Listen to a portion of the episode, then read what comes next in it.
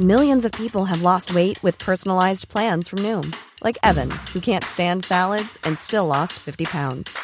Salads, generally, for most people, are the easy button, right?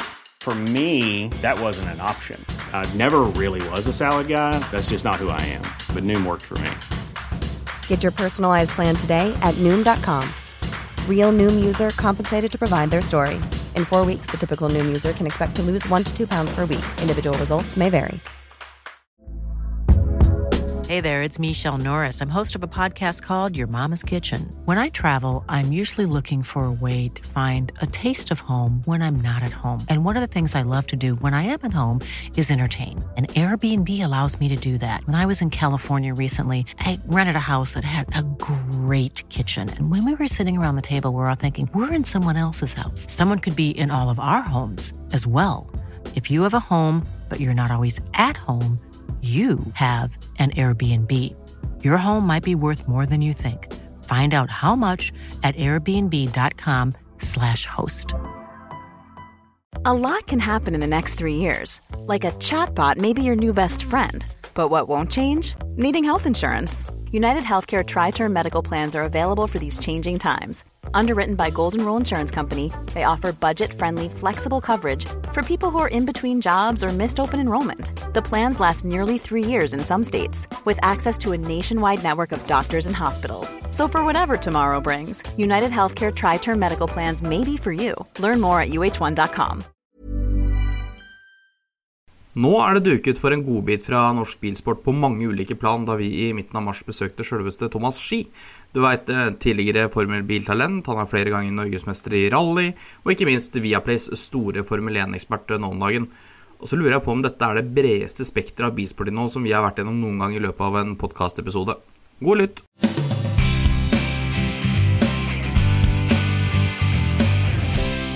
Da tror jeg ting er på stell. Lydnivåene ser bra ut. Ja. Er alt av nivåer bra hos deg i dag, Thomas? Ja, ja, det høres bra ut. Ja, ja. Generelt livet er nivået bra i Livet er bra. Ja, det går, går på skinner. Ja, ja. Det går som den der søylen der, går opp og ned. Det går opp og ned.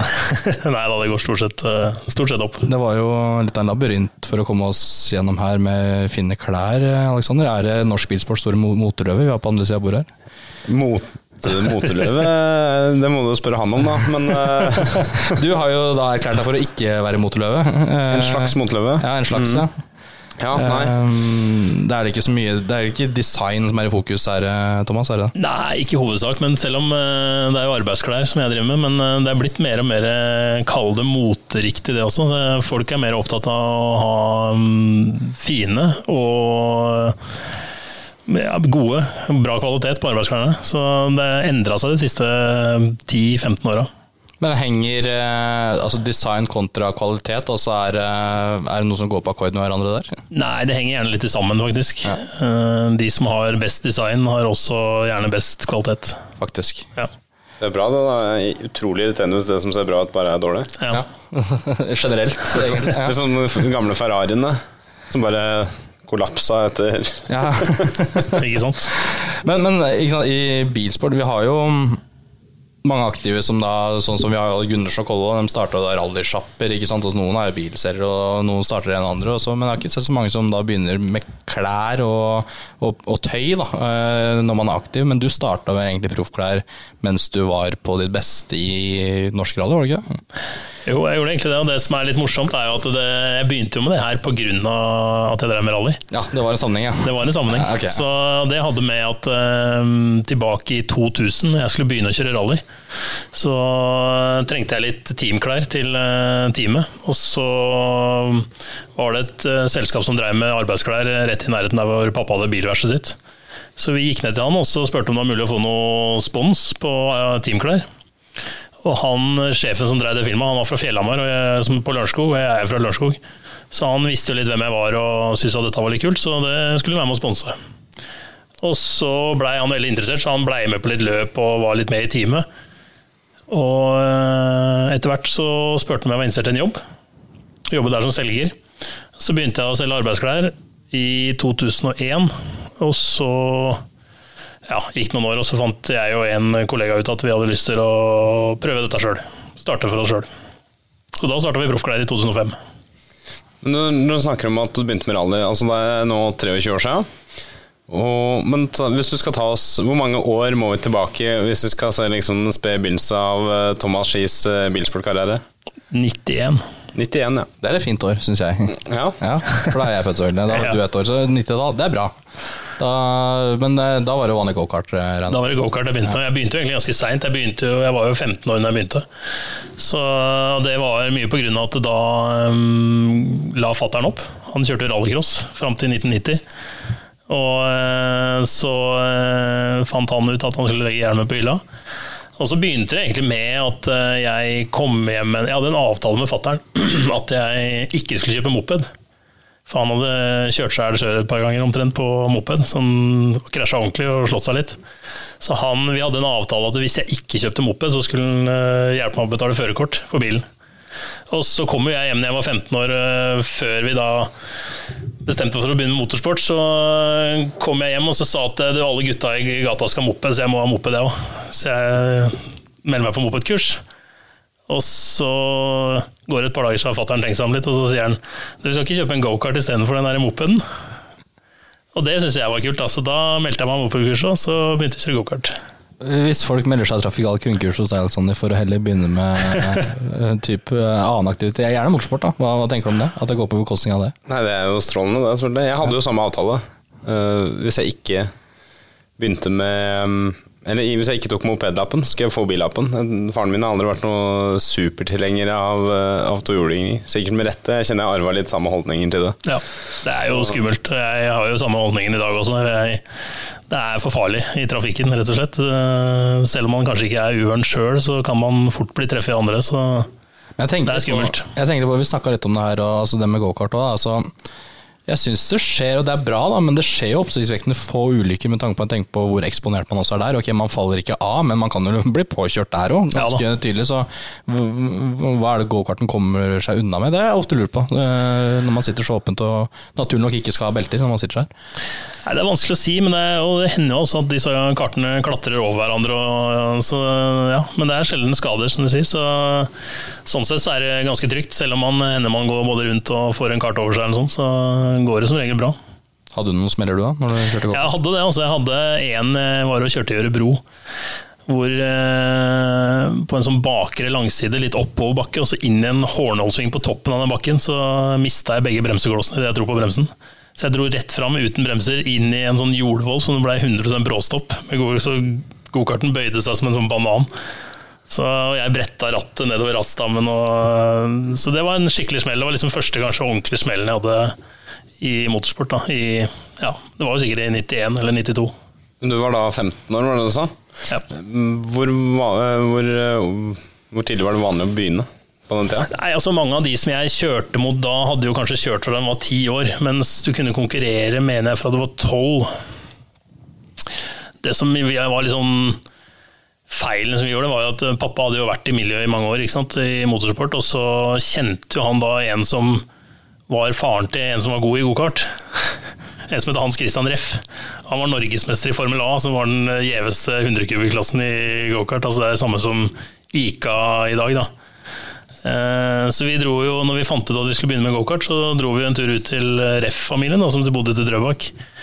Og da øh, fant vi ut at nei, men vi kjøper den karten han vant NM i fjor, i Supra. Så jeg debuterte i Supra øh, i gokart. Jeg kjørte aldri Mini eller eh, Yama eller noen av de mindre klassene. Det var rett i Supra, så det var beintøft. Det var der de som hadde kjørt kart, var gjerne eller kjørte i den klassen, var gjerne 17-18-19 år og hadde kjørt kart i mange år. Så det var, det var en tøff klasse.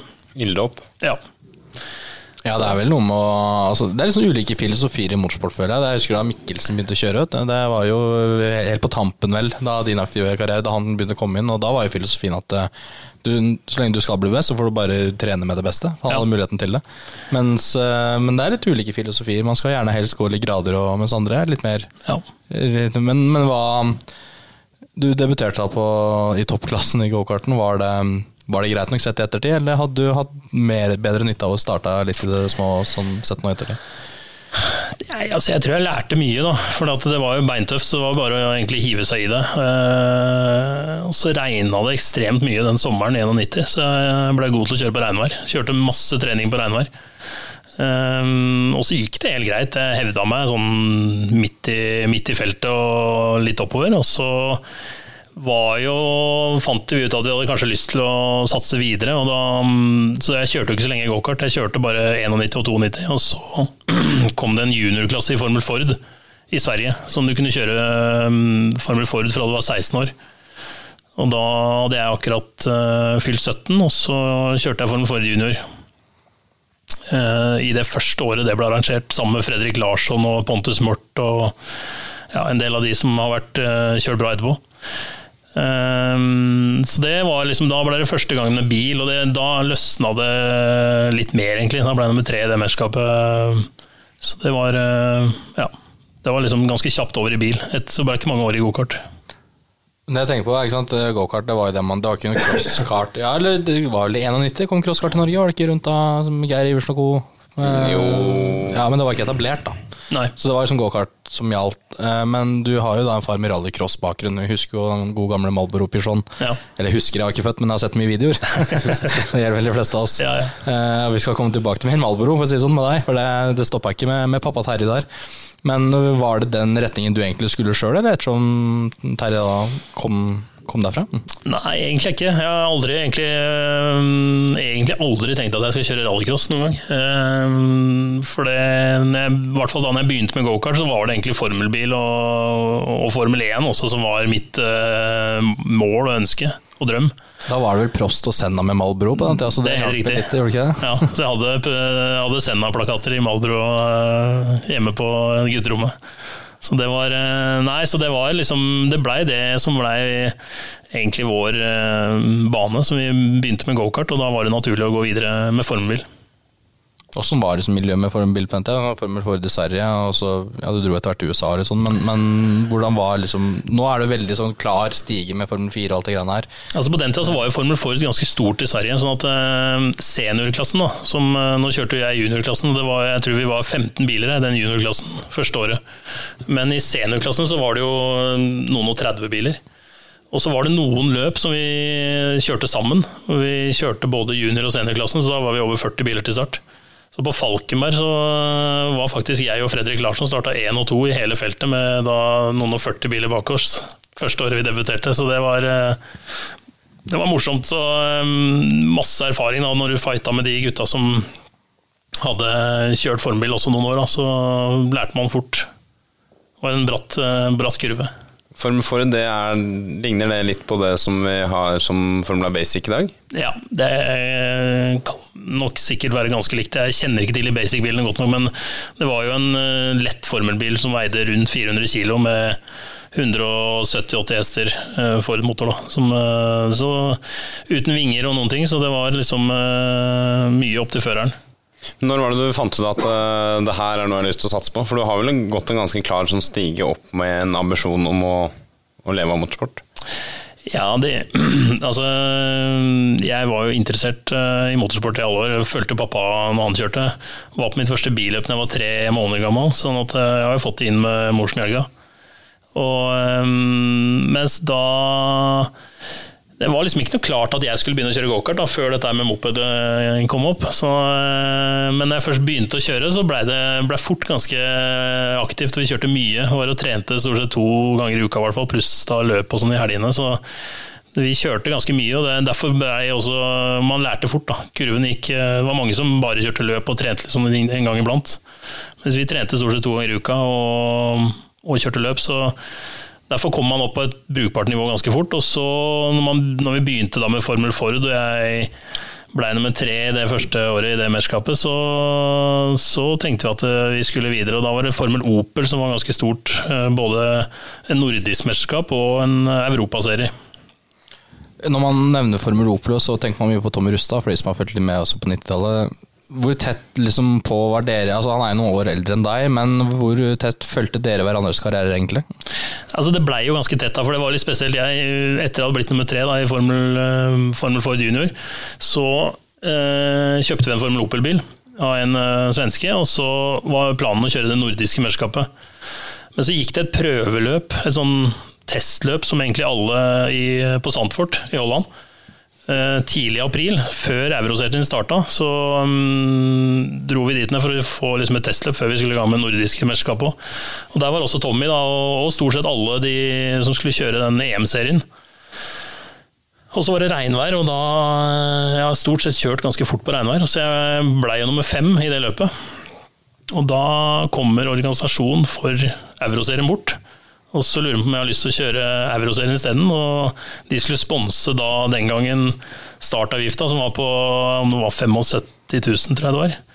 Som vi skulle få hvis vi hadde lyst til å kjøre Euroserien. Da. Så eh, da ble det litt sånn, tanke litt fram og tilbake, og så endte jeg jo med å kjøre Euroserien istedenfor å kjøre nordisk mesterskap da i, i 94. var det her. Er det da liksom talent betaler seg litt, da, tydeligvis? Ja, altså Det var i hvert fall gøy, da, for det gikk jo veldig bra i forhold til at vi kom jo dit ned med et amatørmessig team. og Det var jeg og fatter'n og én mekaniker, liksom, og så sto jo de proffe teama som førere stort sett hadde betalt seg inn å kjøre med semitrailer og sånn som vi kjenner egentlig internasjonal formbilsport. Det var jo sånn også på den gangen. Så det var veldig gøy da å komme ned der og hevde seg blant uh, være topp fem. Liksom. Det var flere som rynka litt i bryna da. Men jeg syns det der er en litt sånn gjennomgangsmelodi. Hvis du snakker med folk som har vært mye aktive i bilsport, altså du kan ta Stian Paulsen, du kan ta Petter Solberg og den gjengen der, når de hadde forholdsvis lite team, og så hevder de seg. Hva, hva, kommer det av? Er det det at man vil litt mer? Det er altså Fredrik Aasbø som hadde snakka om at du må liksom ville det så mye at du drømmer om det på natta, og da får du det til allikevel. Er det det at man, man har ikke tatt den snarveien, man har ikke hatt pengene til å leie seg inn i et team, komme med semtrailere. Det her er liksom Du har lagt alt, da. Det man føler som alt på bordet for å få til det, og da ja, altså, vi, vi, gjorde i hvert fall det. da. Vi satsa jo alt vi hadde. og det er klart Når du må sette deg inn i alt sjøl, og vi sto jo på kvelden og gira om girkassa sjøl. Altså, jeg sto bak der som en 18-åring og drev om girkassa på formbilen og skrudde hjulvinkler og hadde bilen på disse vektene som vi kjørte. Når du liksom var med på alt, da, som vanlige mekanikere og ingeniørene gjorde i de andre tima. Så lærte man jo mye om, eh, om det, og man blei jo sulten. men så så ser man altså Det som var kanskje utfordringa, var jo når vi da kom på tørt før og liksom bilen begynner å telle mer enn uh, en føreren. For på vått så er det kanskje føreren som kan gjøre en, selv en ikke så god bil, da, gjøre en bra. Uh, så blei det jo tøffere å henge med helt i toppen. Så, uh, men den 94-sesongen så var det jo Det var jo egentlig litt sånn gjennomslagssesongen for Tommy på formbil. Han vant jo to eller tre løp i den euroserien, som var veldig bra. Ehm, det som var litt spesielt også den gangen, var at han eh, på det løpet som jeg ble nummer fem på det vårløpet, så krasja han bilen. Han var helt nybygd som Formel Opel, så krasja han ganske sykt. Så han måtte bytte chassis. Og da fikk de kjøpt et chassis nede i Nederland som skulle vise at eh, For disse Formel Opel-bilene hadde liksom spesielt spesiell sånn honeycomb-chassis som de fylte chassis og sånne chassisplanker for å stive av bilen litt, som vi lærte litt seinere. Eh, og det var det visstnok på den bilen til Tommy. Da. Så han fikk en bil som var litt stivere. som som lønte seg nok på, på tørt før etter hvert. Er det her den epoken hvor vi snakker om uh, Horner og Montoya og Ja, det er litt, litt etterpå. Det er, sånn, ja. kjørte Formel 3000. Ja, fordi vi, vi, har jo vært innom de altså når, du, altså når vi har snakket om karrieren din, eller når du har snakket om det før, og så har jo de navnene blitt nevnt. Men, men, i Formel Opel på den tida, er det noen navn vi kjenner i dag som, som var med dere på startlisten? Eh, Tom Coronel er jo en fører som har kjørt eh, VTCC i mange år. og sånn, Han kjørte det året. og Eh, ja, hvem andre var som var med da? Eh, kanskje ingen sånn som har blitt ordentlig store etterpå. Tony Kanan kjørte, ja. Som eh, kjører Indicar, eller har kjørt Indicar i USA. Ga seg relativt nylig, tror jeg. Ja. ja. Så, nei, så det var noen gode førere da også. Det, og jeg og Tommy kjørte, var med og kjørte Nations Cup faktisk også, med norsk-lakkerte biler. På, også på Sandford, faktisk. Litt seinere på høsten det året. Gikk ikke det ganske bra? Var en av dere? Nå jeg, jeg, lurer på om vi blei vi nummer fire eller fem som nasjon, tror jeg. Ja. Og da kjørte jo Tony Canano sånn fra Brasil da, sammen med andre, så nei, det var mye morsomt den tida der, altså. Og da var jo både Tommy kjørte jo privatteam, han også, selv om han hadde hakket mer seriøst enn oss. Han hadde semitrailer og det så litt mer proft ut. da Vi hadde en sånn gammel Mercedes-buss hadde, hadde, Så det var, var noen morsomme historier faktisk fra det året. For at vi var på Hockenheim og kjørte, og da vi eh, hadde jo lite budsjett, da. Så vi bodde jo i denne Mercedes-bussen. Og Det var jo ikke disse Formel 1-teamene vant med, så da ble vi nesten kasta ut av banen. For vi sto der og måtte jo grille litt sånn på kvelden, og det likte de ikke at det var noe barbecue inne på, inne på Formel 1-banen. Eller inne paddocken da, på, Ja, for da- som supportteam. Da, så. Ja, for da var dere supportklasse til Formel 1, ikke sant? Vi var supportklasse til Formel 1, så vi sto liksom på indrebane i da, depotet til Formel Opel. Da.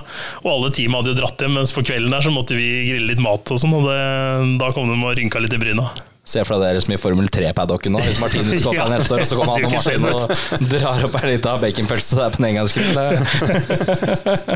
men, men når vi snakker om det, altså du kommer fra med, med kan det gå under dårlige forutsetninger, altså mindre, mindre team, mindre apparat. Går det an i dag å, få til en sånn eventyrhistorie at man kommer med to-to menner med det man har, er god til å kjøre og alt, eller, eller blir det for snaut? Ja, det går ikke i dag, tror jeg. Det er, alt er blitt enda proffere og mer profesjonalisert. Da. Så hvis man skal kjøre en formelbilkarriere i dag, så går det ikke selv i Formel 4. Tror jeg ikke man hadde klart liksom å å henge med på det nivået. Det er klart Man kunne jo lagd sitt eget team og hatt noen flinke folk rundt seg, men man er avhengig av å ha de ingeniørene og de som kan sette opp bilen for å få dette, få dette bra. Og det koster penger. Det er ingen som jobber, eh, jobber sånn gratis. Nei. Så, Så det var litt annerledes den gangen. Da var det jo en, eh, Han mekanikeren vi hadde, var jo entusiast og fikk jo ikke noe, var ikke noe årslønn på han, for å si det sånn. Han fikk dekka reise og opphold, stort sett, og så var han interessert i sporten. Så, nei, så det var nok litt annerledes den tida. Jeg tror ikke det hadde gått i dag, faktisk. nei, det er jo eh, Eventyrhistoriene vi hører i dag, er kanskje litt de som eh, Om ikke kommer fra Fordi motorsport koster mye penger fra dag én nå, men man kommer kanskje ikke fra noen rik familie. da Man kommer seg inn i et eller annet talentprogram eller, Ja. eller noe sånt. Det var vel ikke noe talentprogram eh, den gang du holdt på? Nei, ikke på den måten som det er i dag, selv om eh, da etter hvert så mm, kom jeg inn i Malbro, og det kan man jo si at Malbro var vel kanskje litt sånn på den tida det Red Bull er i dag i motorsport. De hadde da sponsa to team i Formel 1, og de hadde liksom flere førere i alle klass- klasser nedover. Så kom man innafor der, så fikk man en del hjelp i forhold til mediehåndtering. Hadde egen pressemann, de ordna med TV-rettigheter og gjorde litt sånne ting da, som gjorde at eh, da jeg kjørte Formel 3000, så sendte jo NRK alle løpa. Så, um, så det er klart de tinga var viktige, og det, det var jo da året etter. Og det sto jo egentlig litt mellom meg og Tommy um, om å få den Malbro-sponsen da i 95, året etter. Hvor, um, hvor jeg heldig blei den som fikk sponsen. Så, men da blei det også litt sånn at de ønska at jeg skulle dra til USA og kjøre der. Så det var jo da jeg dro til USA og kjørte Barber Dodge i 95 og 96. Jeg har hørt at det er et uh, valg du angrer ekstremt mye på i ettertid. At du gjorde det istedenfor å ta et år til i Europa. Kan du si litt om det? Ja, jeg, eller litt egentlig andre veien. For at uh, det som uh, Altså det som jeg gjorde i, i USA, det var jeg egentlig veldig fornøyd med. For jeg dro dit til USA og kjørte Barber Dodge, som da var en klasse i USA som kan regnes liksom som Formel 3 da, på rangstigen. Um, og hadde egentlig en ganske ålreit første sesong. Starta litt dårlig i første halvdelen, mens andre halvdelen så var jeg den føreren som plukka mest poeng. Men jeg ble nummer syv i mesterskapet. Og så fant vi ut at vi skulle ta en, en sesong til da, i 96, og da var jeg med og fighta om mesterskapet hele veien, men ble til slutt nummer to, rett bak svenske Fredrik Larsson. Uh, det som jeg kanskje angrer mest på, hvis jeg ser tilbake, er at jeg da dro fra USA til Europa igjen. Det var den jeg tenkte på, ja. Ja. Det er fordi jeg husker jeg nevnte at det var et valg der som Ja, for da stoppa. Ja. også sa Malbro, for Fredrik Larsson var jo også sponsa av Malbro. Og um, han hadde Stefan Johansson som kjørte Indikar på den tida, eh, som manager. Så um, da ønska Malbro at Fredrik skulle bli igjen i USA, og så at jeg skulle kjøre Europa og kjøre Formel 3000. Og da hadde jeg så I forkant av dette så hadde jeg jo flere samtaler og møter med teama som kjørte Indie Light og hadde nok eh, fått et veldig mye bedre sete, altså et toppteam, for de penga jeg klarte å skaffe til, til satsingen da i 97, da, som, som ble Formel 3000. Problemet at Formel 3000 var litt dyrere, så vi hadde jo egentlig ikke budsjett nok til å kjøre for et toppteam, men øh, det blei jo for et helt nytt team som øh, ja, hadde lite erfaring, og jeg ble den eneste føreren stort sett i teamet gjennom hele sesongen. Og det- Ja, nei, sorry, Alex. Ja, nei, Formel 3000 det tilsvarer da Formel 2. Formel 2 i dag, ja. Bare, for det er jo noen som hører på som ikke kjenner eh, alle, alle Altså, det helt- racinggrener, eh, og også gamle stiger. Ja, ja. Det het jo Formel 3000 pga. at det var en 3-liters motor, eller en 3000 kubikks motor. Eh, men det var jo da en formelbil som veide 550 kg og hadde rundt 600 hester. Så eh, det var en, eh, en heftig racerbil. Så da høsten 96, da når vi begynte å tenke på om vi skulle For da kjørte jeg jo fortsatt i USA og fighta mesterskapet der borte. Og så begynte jeg å teste litt Formel 3000 og var, kjørte tre tester. Først kjørte jeg for et team som het Edenbridge, som vi var på Snetternon og kjørte. Hvor det gikk ganske bra. Var ja, sånn sju-åtte tiendeler bak banerekorden der, som var satt tidligere på året.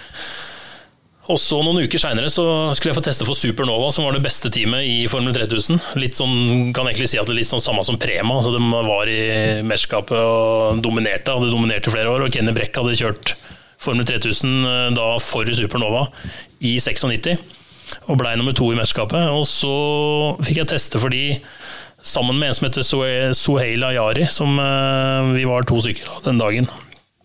Og da gikk det veldig bra. Da jeg, satt jeg faktisk ny banerekord i Formel 3000. Var fem tiender raskere enn Kenny Brekk noen gang hadde vært på Snetterton. Og han Soel Ayari var to og et halvt, tre tiender bak meg. Så, så da blei det litt sånn at vi hadde muligheten til å kunne signe for Supernova, men hadde jo ikke penger nok. Altså Det kosta seks millioner den gangen, i 97, og vi hadde vel sånn fire og en halv eller sånt da, i budsjett. Så, så det er litt kjedelig. At ikke man fikk egentlig den muligheten for å ha kjørt for et sånt team. Jeg er ikke sikker at det hadde gått så veldig mye bedre det første året, eller litt bedre hadde det gått, men uansett så har man kommet inn på et team med andre erfarne førere, og så har man lært mye det første året. Men det du sier nå er at hadde du kunnet bli i USA i stedet, så hadde vi kanskje blitt en Indycar-fører? Da, ja, da hadde i hvert fall muligheten vært mye større for Indycar. For der hadde jeg i samtale med flere andre toppteam og jeg hadde i hvert fall hatt penger til å kjøre for en av toppteama. Så, sånn sett så hadde det kanskje gitt andre muligheter, men det vet man jo aldri. Vi å nevne dette med budsjett, penger, sponsorer. Der er det jo mye spennende rundt deg. Fordi, og du har jo blitt litt kjent for det miljøet fram til klart, Vi hadde Henning Solberg med en gigaavtalen med ekspert, og vi har jo det Dennis holder på med nå. Der er jo også du involvert sjøl. Ja. Men du var jo den før det her, da. Den som var desidert flinkest til å rett og slett skaffe penger til å kjøre bil. Og det som da alle sliter med og ikke får til, og alle skylder på, er grunnen til at man aldri blir en bilsportstjerne. Du, du fikk det til på et vis. og vi har jo snakket om det før i artikkelform, men, men, kan du gå litt igjennom det igjen, Thomas? Det med hva Klart, Malbro fikk du sikkert Du hadde jo linken med Terje sikkert der. Eh, men likevel, alt annet. da, Hvordan klarte du å skaffe så mye penger som du gjorde, og, og hvor mye penger klarte du egentlig å skaffe til slutt i, i karrieren din? Før alle, da. Men, jeg har ikke regna sammen sånn helt akkurat hvor mye penger, men det blei jo en del penger etter hvert. da, for det de åra jeg kjørte bort til USA, så kosta det også litt penger. Men det som var bra med USA, var at der kjørte man jo inn pengepremier. sånn at det var 10 000 dollar til vinnende hvis du vant et løp. Og så kosta det 8000 dollar, så egentlig så liksom kunne, hvis du vant hele tida, så kunne du faktisk kjøre gratis. Men det, de åra jeg kjørte i USA, så kjørte jeg liksom inn 300 000-500 000. sånn at da hadde vi gjerne budsjettet gjennom sponsorer, og så fikk man litt penger å leve for i tillegg ved siden av. Men nei, altså det der med sponsorjaging da, det, Pappa var jo flink på det gjennom alle år. og Det, det er jo ikke jeg som har skaffa alle disse pengene. Han har jo vært med like involvert, han. Men det er han og jeg stort sett da, som har uh, jobba med det her. og det er ikke noe sånn hokus pokus, egentlig. Man må tørre å ta telefonen og ringe til de uh, selskapene man har lyst til å ha sponsorer av. Og så må man må man ha et sånn brennende engasjement for å få det til. Da. Man kan ikke være nølende, for da tenker de at nei, men dette er ikke noe sponsor. Du må liksom gå inn med hud og hår da, og virkelig ha tro på det du selger. Uh, det tror jeg kanskje er uh, grunnen til at man får det til eller ikke får det til.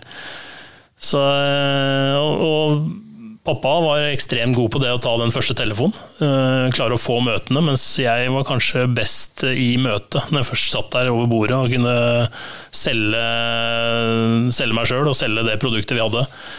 Og så var vi flinke til å lage turer, og spesielt når vi var i USA. Jo, altså på 90-tallet var det jo fortsatt litt gjevt å dra til USA. Så det å lage en sponsortur til en eller annen formelbane og se på Indicar og se på oss som kjørte forløp til Indicar, det var jo ganske kult, det. Så vi hadde ganske mange sponsorturer dit som var stor suksess, som gjorde at det gikk å skaffe de pengene.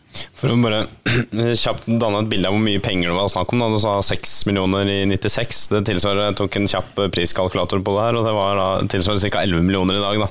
Ja. Så, så ja, man, Ja, det er mye penger. Formel 3-budsjettet til Dennis, Ja. ikke det, var det ikke? Ja, så det er klart det er et stykke opp til de 20-25 millionene det er i Formel 2 i dag, men, men det gjør ikke at 11 millioner er eh, noe lettere å skaffe. Jeg tenker jo, Hvis man klarer å skaffe liksom 11 mill., så Ja, og det, og det er noe man skaffer, det er ikke noe man bare får delvis servert av en energidrikkselskap eller, andre- eller en eh, sigarettavtale nødvendigvis. Altså det, er, det er mye her du rett og slett skaffer sjøl. Ja, det var mye sponsorer. Vi hadde vel en øh, ja, borti 20 sponsorer tror jeg, i da forskjellige størrelsesordener, hvor Malbro var den største. Men øh, Nei, så det har jo vært mye jobbing. Det var, liksom, det var jo den største delen av det. Og så i tillegg til det så gjorde jeg en ting som noen andre også har gjort etter meg, men det var jo å lage rett og slett et sånn bilde som man kunne henge på veggen, et sånn A4-bilde, eh, som vi nummererte fra 1 til 250. Og så lagde vi en loddtrekning, da, sånn at eh, de som kjøpte dem for 2500 for stykket, de var med i en loddtrekning om en tur til USA. Og så solgte vi jo de, reiste jeg rundt til alle mulige bedrifter som vi kjente og ikke kjente, og lokale på Lørenskog der hvor jeg kommer fra, og sånn, og solgte da 250 sånne bilder. Så det blir jo litt penger av det også. Så, Så du fikk solgt 250 bilder til 2500 kroner stykket? ja. Jeg tenker bare hør og lær. Men jeg merker jo sjøl Altså, jeg får Jeg driver jo en veldig liten bedrift, men jeg får inn en mail i måneden fra folk som skal bli verdensmester på ski, hopp, håndball, langrenn, motocross. Altså, det renner inn. Og gjennomgangsmelodien er stort sett den samme. Og jeg tipper at du også får vel sikkert en del eh, henvendelser, da. Så man, det er den derre selgertingen, tenker jeg. For jeg har, jeg har jo bit på noen, da, men det er jo de der som ja, Hvis noen hadde kommet meg med kjøpt et bilde av meg til 2500, hadde jeg tenkt ja, Dette er ikke en oppfordring for øvrig, men, eh, men, men, men da, da går du inn med en litt sånn Du gjør noe annet, da. Ja, For 2500 for en bedrift, det er sånn penger som de kan være med med uten at de egentlig verken kjenner deg, eller, men hvis de får litt sånn lite eierskap. og så er, I tillegg så var det en liten sånn gulrot at du kunne vinne en tur til USA til et Indica-løp. Det var jo egentlig litt sånn kul greie. da. Så, eh, så, så blei det en greie som faktisk var eh, Pappa kjente masse folk, så han, hver gang han snakka med noen, så solgte han et bilde. Så ba han meg kjør innom han han har kjøpt det bildet, og så måtte jeg inn og levere et bilde til han. da.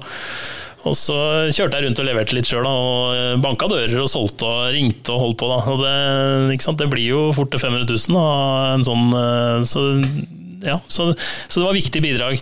Og de åra som sagt, vi kjørte i USA, så var det jo sånn budsjett på ca. to millioner for å kjøre de to åra jeg gjorde der borte. Og i tillegg så kjørte man jo inn litt penger og sånn, så da gikk jo dette rundt eh, på et vis, da. Det er mye bedre dugnad enn å selge skrapelodd, da. Er det ikke det? Ja, definitivt. Og så er det, så er det jo det er noe litt annet. Det er sånn, ja, du kan, du kan få logoen på motorsykkelen, eller på T-skjorta mi, liksom. Og så Ja, det er sikkert fint, det, men det er litt det derre eh, Litt mer eierskapet, da, kanskje, som, som du sier.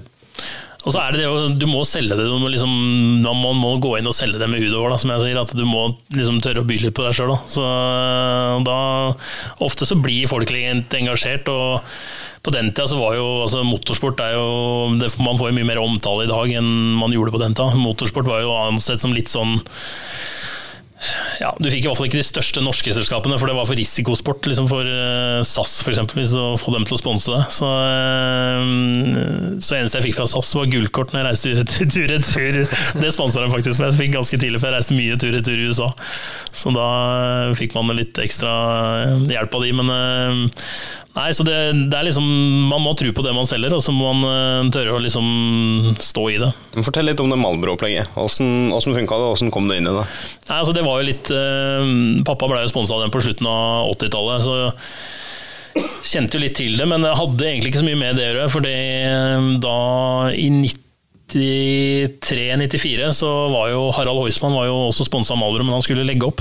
Og da ville jo Malbro eh, ha en annen norsk fører. Og da sto det egentlig mellom meg og Tommy Rustad. Og jeg tror rett og slett det ble valgt pga. at jeg var en del år yngre. Altså jeg var jo akkurat eh, Eller jeg var vel ikke 20 engang. Eh, Jeg blei 20 det året hvor jeg fikk Malbro-spons, mens Tommy var vel 7-28.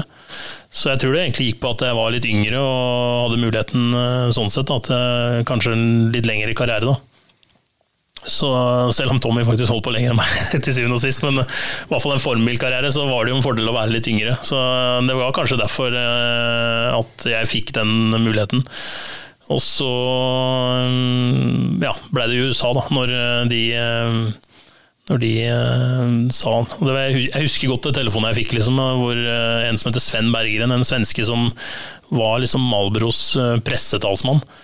Han ringte meg og sa at nå, skal, nå er det deg vi skal satse på, så ønsker vi at du skal dra til USA og kjøre formbil. Det var en kul, kul telefon å få. Og det er som sier, altså Tobakksindustrien den gang er vel nåtidens energidrikker. Altså, det var ikke bare Malbro, men Camel og innom, og 555 i rally, West på McLaren. Altså, det var jo ganske uh, utbredt. Men så det forbudet kom vel i Formel 1 i 2005-2006-ish, var det ikke det? Jo, ja. men det var jo, det var jo faktisk forbud mot å reklamere, mot, reklamere for tobakk i Norge da, på 90-tallet. Men det som var Det som Malbro ønska med å gjøre den sponsorbiten, var at du kunne ta bilder så lenge bildene var tatt i utlandet, så kunne de brukes i Norge. Og da I utlandet så kunne det stå Malbro på kjøredressen eller på bilen. og Så, så lenge kunne, man kunne dokumentere at bildene var tatt i utlandet, så, så trykte de dem i norske aviser og på TV. Så det var liksom et lite smutthull som jeg tror Malbro ønska å utnytte seg. Ja, altså en dobbeltside VG. Det er, ikke, det er ganske god markedsverdi på det? Ikke? Ja, ja, absolutt. Så, nei, så det var jo, For min del så var det jo viktige sponsorpenger, selvfølgelig, og, og et viktig medium å komme inn i. fordi jeg fikk jo han Sven Berggren som pressetalsmann. Han sendte ut pressemelding før hvert løp og ringte meg da hadde en avtale om at eh, innen en time etter hvert løp så skulle jeg ha snakka med han. Da hadde han fulgt med på hvordan løpet hadde gått eh, på en eller annen måte, og var på en del av løpet og skrev pressemeldingen nesten ferdig. og Så la jeg til mine kommentarer og så sendte den det ut. Og Da var det veldig ofte at det kom på trykk. Enten så brukte de eh, hans pressemelding direkte inn, eller så skrev de om litt. Så, så det gjorde at man fikk også mye medieomtale, og det drypper igjen bra også på de andre sponsorene som var med. At, uh, da fikk man jo mer eh, pressedekning, og det, det, liker jo sponsorene. Så du har hatt noe så sjelden som en ganske sunt forhold til en tobakksleverandør? da, med andre Ja. Jeg har aldri røyka sjøl, altså. Men uh, ja, jeg har det faktisk. Men alt det vi snakker om nå, det gjør jo at du i dag blir omtalt som en av de svært få nordmennene som var nære Formel 1, og du kjørte på neste øverste nivå. Det er jo bare Dennis nå og Pål Varhaug eh, før som, som, da er i den kategorien. Hvor nære var du Formel 1 egentlig?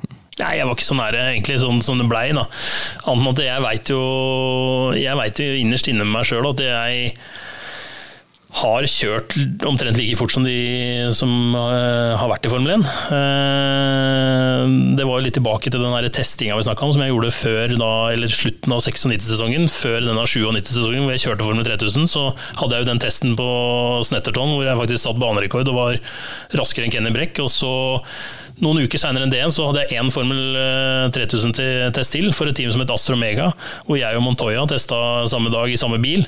Eh, eller i hver vår bil, men for samme team. Og da endte Montoya 300 raskere enn meg på den dagen. Etter vi hadde kjørt med like dekk og kjørt sikkert borti 100 runder på, på Jerez-banen. Sånn at jeg, jeg, selv om ikke alle de her eh, historiene har kommet så galt fram før, så veit jeg at jeg på en måte har et tempo inne som jeg kunne faktisk ha klart å matche de beste, tror jeg. Hvis jeg hadde hatt muligheten til å sitte i den, de beste bilene.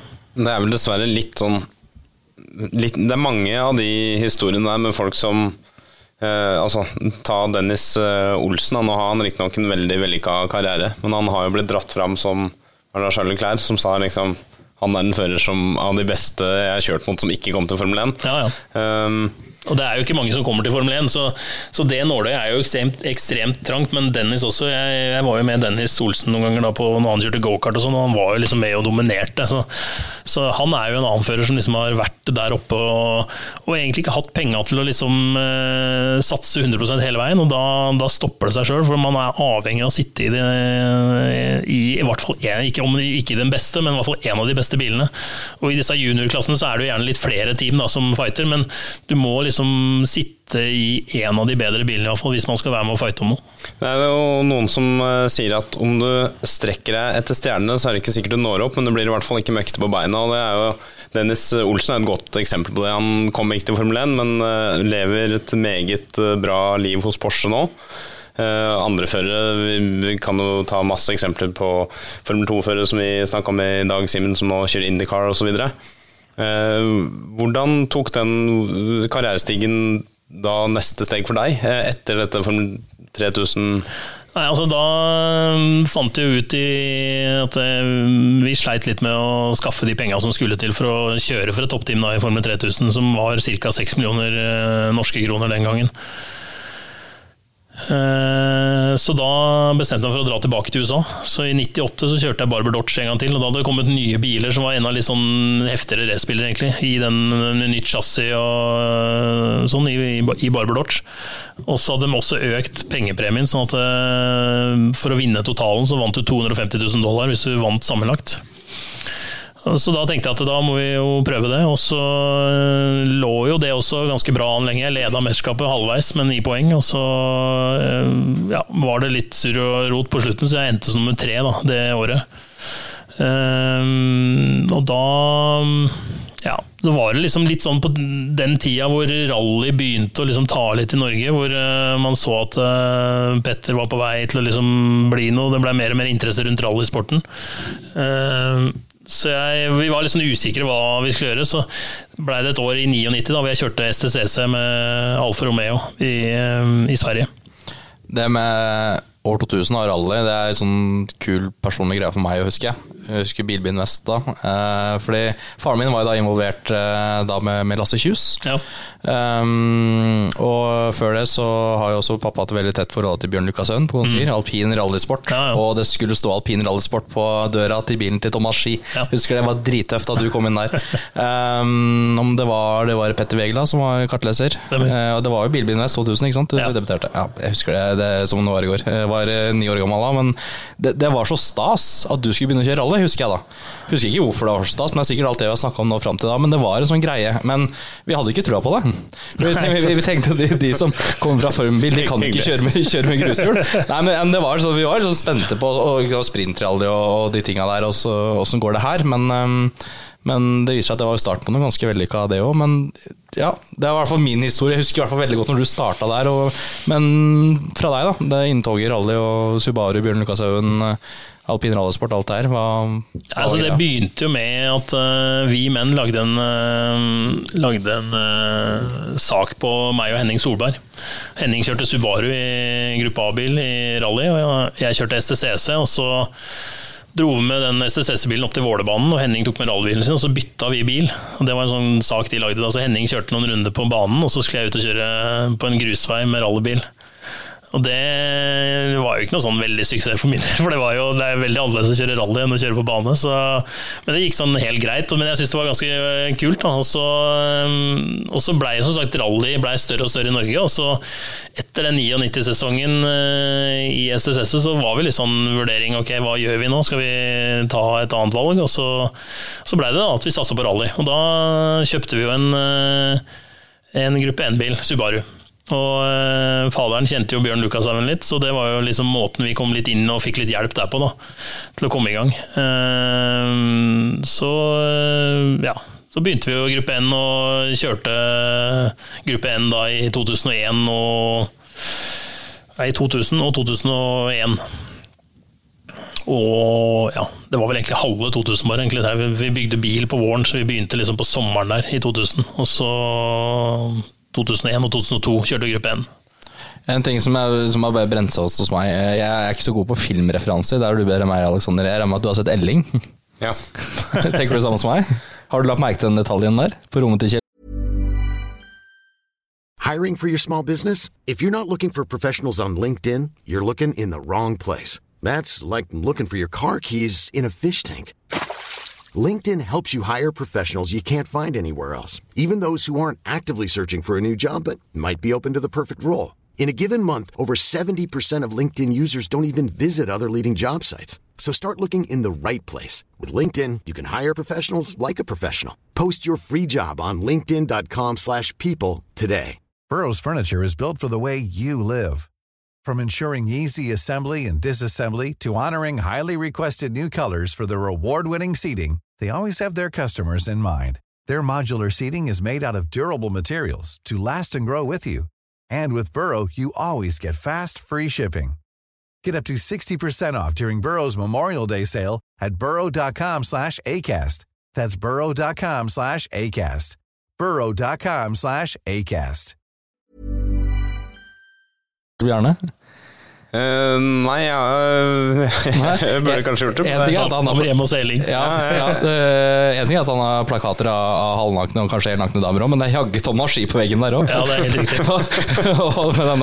altså, jeg hadde samme plakaten sjøl, nemlig. Ja. Men, eh, men hva, hvorfor havna den der? Nei, Det var ganske morsomt, da, for når den Elling-filmen begynte å rulle på kino, så var det liksom flere som eh, begynte å ringe og sende meg melding om eh, Oi, hvorfor er en plakat av deg på veggen til rommet, på rommet til eh, Kjell Bjarne?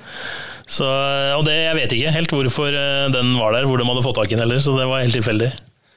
Det er vel eh, eh, noen eh, på rekvisittlaget der som har gjort en god jobb, da. Helt sikkert. Noen som har vært å få tak i en plakat eller som var litt rallyinteressert. Men er det sånn helt heldig å bli identifisert med en sånn superunkar incel, eh, nærmest type her? At eh, hva, hva passer han jo? En bilde en, en, en rallybilplakat? Ja. Nei, det kan man vel si. Det kanskje ikke var like bra, men, nei, men det var i ble, ble i hvert fall lagt merke til av noen som har klart å observere den. Men altså er det noen som vokste opp på 80-90-tallet som ikke husker å ha hatt plakater på veggen? Altså Jeg husker jo det var alltid eh, Faren min har jo alltid abonnert på bl.a. autosport og andre ting, og noen ganger så fulgte med plakater, liksom. Ja, ja. Og det var jo så stas. Og jeg husker hvis det var eh, messer, bilmesser, motorsykkelmesser, så var det om å gjøre å få tak i plakater. Så rommet var jo ja, helt, jeg, jeg tror nok eh, ikke jeg blir overraska hvis det viser seg at det har hengt en Thomas Ski-plakat på, på rommet mitt eh, også. Altså, så det, Nei, det, det så, var, det var jo liksom veldig vanlig,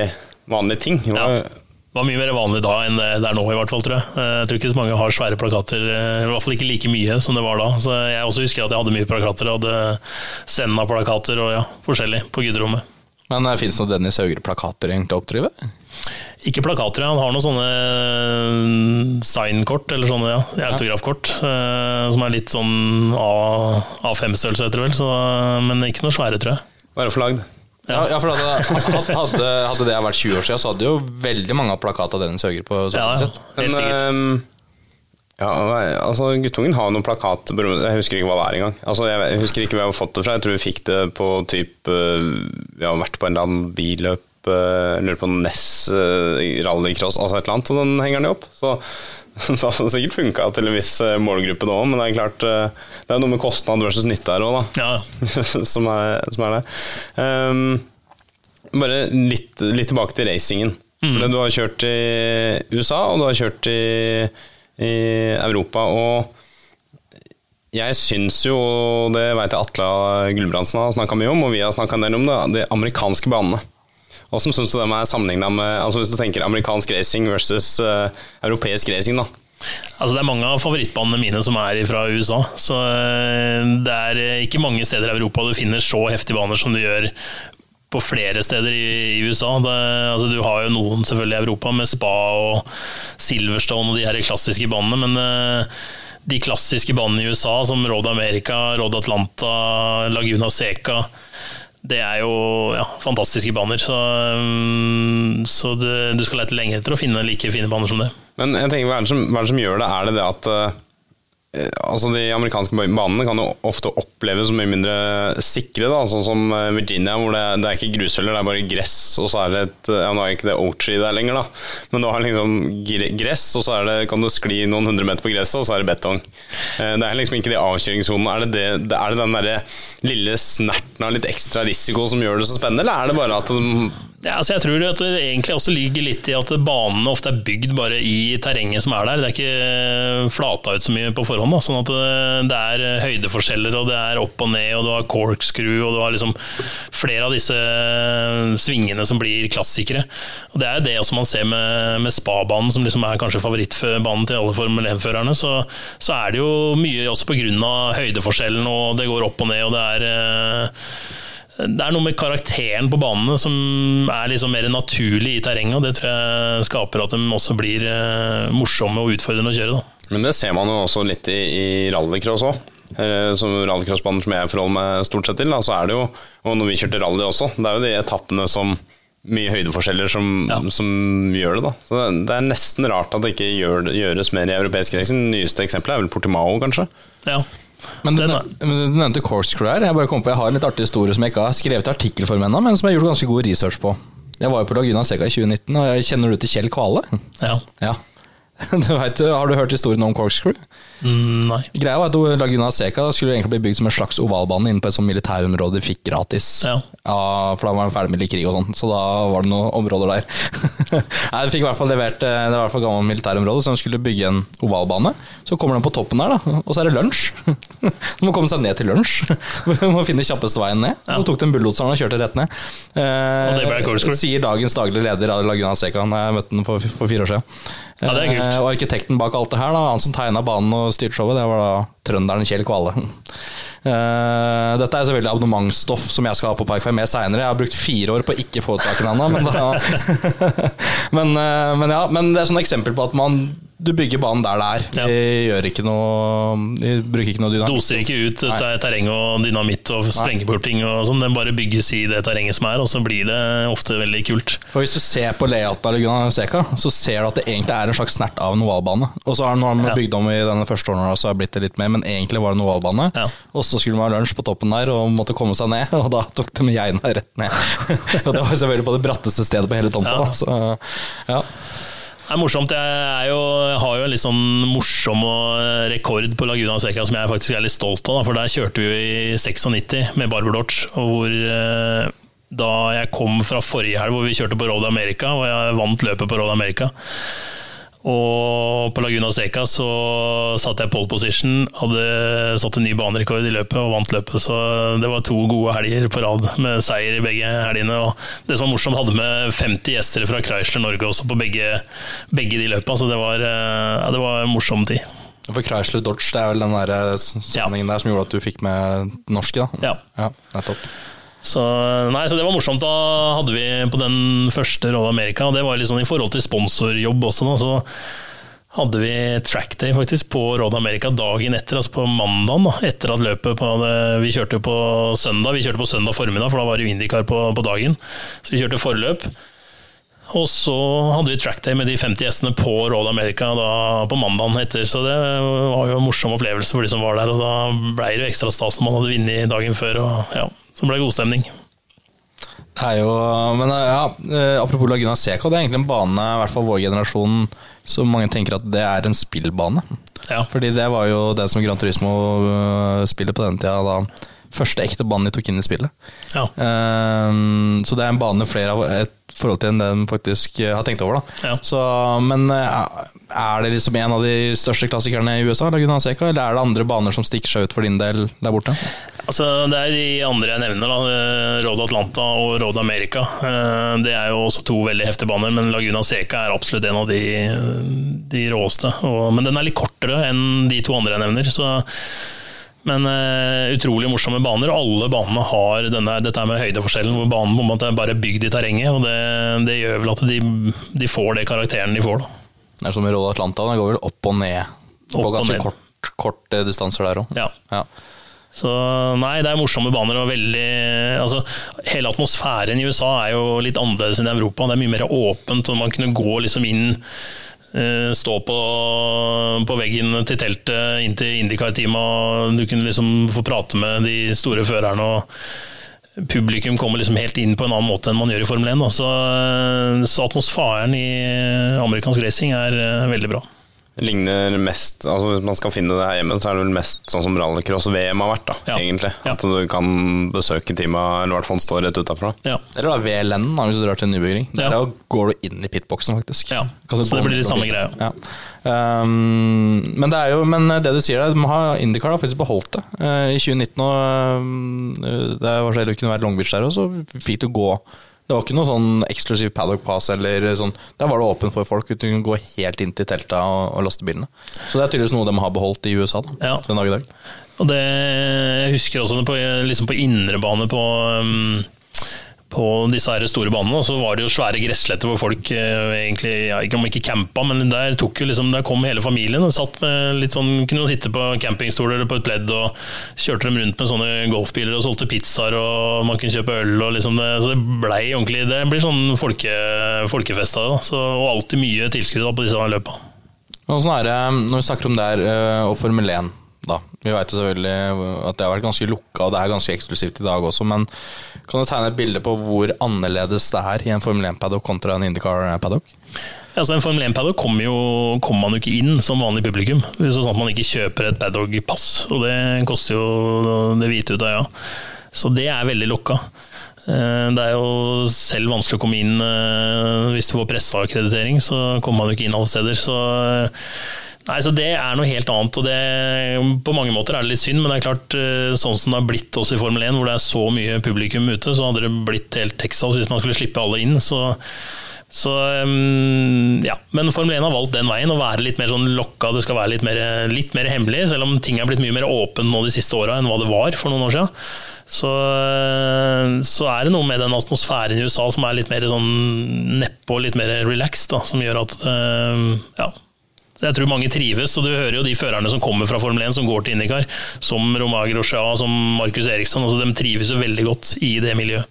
Men uh, vi fikk en liten smak på hva som ville skjedd hvis de åpna uh, litt mye. Nå var det riktignok mye sånn kjendiseri og sånn, men Miami i fjor så var jo førerne De fant ikke ingeniørene sine, og det var komplett kaos. Og da var det vel faktisk litt misnøye av de som var vant til å være i paddocken. Og jeg er veldig spent på hvordan det blir i Vegas nå. Ja, det blir, så, blir kaos der også. Så, um, det kan jo hende det er, kanskje er like greit at man har en sånn litt eksklusiv klubb. og det er jo Eh, kanskje et insentiv da, for å reise og faktisk oppleve amerikansk racing. For man drømmer jo gjerne, hvis man følger med Formel 1 i dag og følger med eh, Drive to Survive og sånn, så er det lett å tenke at man vil på Formel 1, og det oppfordrer jeg selvfølgelig alle til.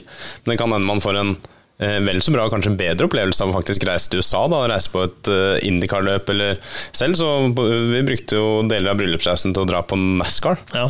Jeg har aldri sett et NASCAR-løp i hele mitt liv. Jeg har aldri liksom hele et helt løp. Da. Jeg har ikke funnet interessen, men uh, både jeg og kona likte jo veldig godt den, det å dra på et NASCAR-løp og oppleve atmosfæren, hele, hele opplegget. Så, så er, jeg har vært på både Formel 1 og NASCAR, og jeg kan anbefale amerikansk racing. Altså. Ja. Jeg bare nevner litt artig erfaring når det, kommer, det må handle om å komme tett på. Sånn som i IndyCar der òg. Så skulle jeg prate med Markus Eriksson og Felix Rosenquist. De er jo litt kompiser òg, så jeg fikk jo samla de to gutta utafor teltet til jeg tror det var Markus. Ja.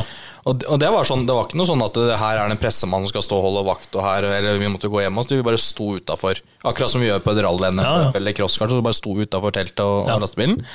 Og vi, jeg fikk prate med de, ikke i ro og fred, for det kom jo folk, og skulle ja. ta bilder og sånn, men det var en morsom del av det, ja. og en sjarm rundt det.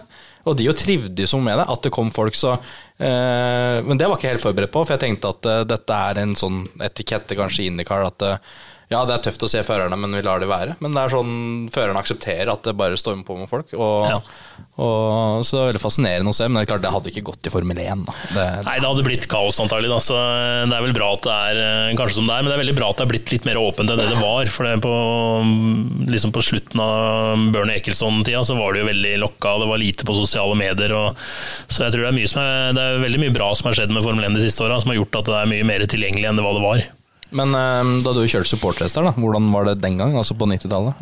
Nei, altså Det var jo akkurat samme da. Og de eh, amerikanerne er også veldig mm, superinteressert i da juniorklassene. Nå ser jeg på Formel 1. Når Formel ja, når jeg kjørte der også. Men ja, det var jo, da, der var det like lokka, så der var det vanskelig å komme inn. Men det var litt lettere å komme inn, og spesielt da eh, med vi som hadde sånne teamklær med Malbro på, så blei man egentlig sluppet inn der. For det var ikke sånne pass som, på samme måte. Da var det vakter som sto og holdt vakt, og da når du kom med Malbro-reklame, så blei egentlig grinda bare åpna.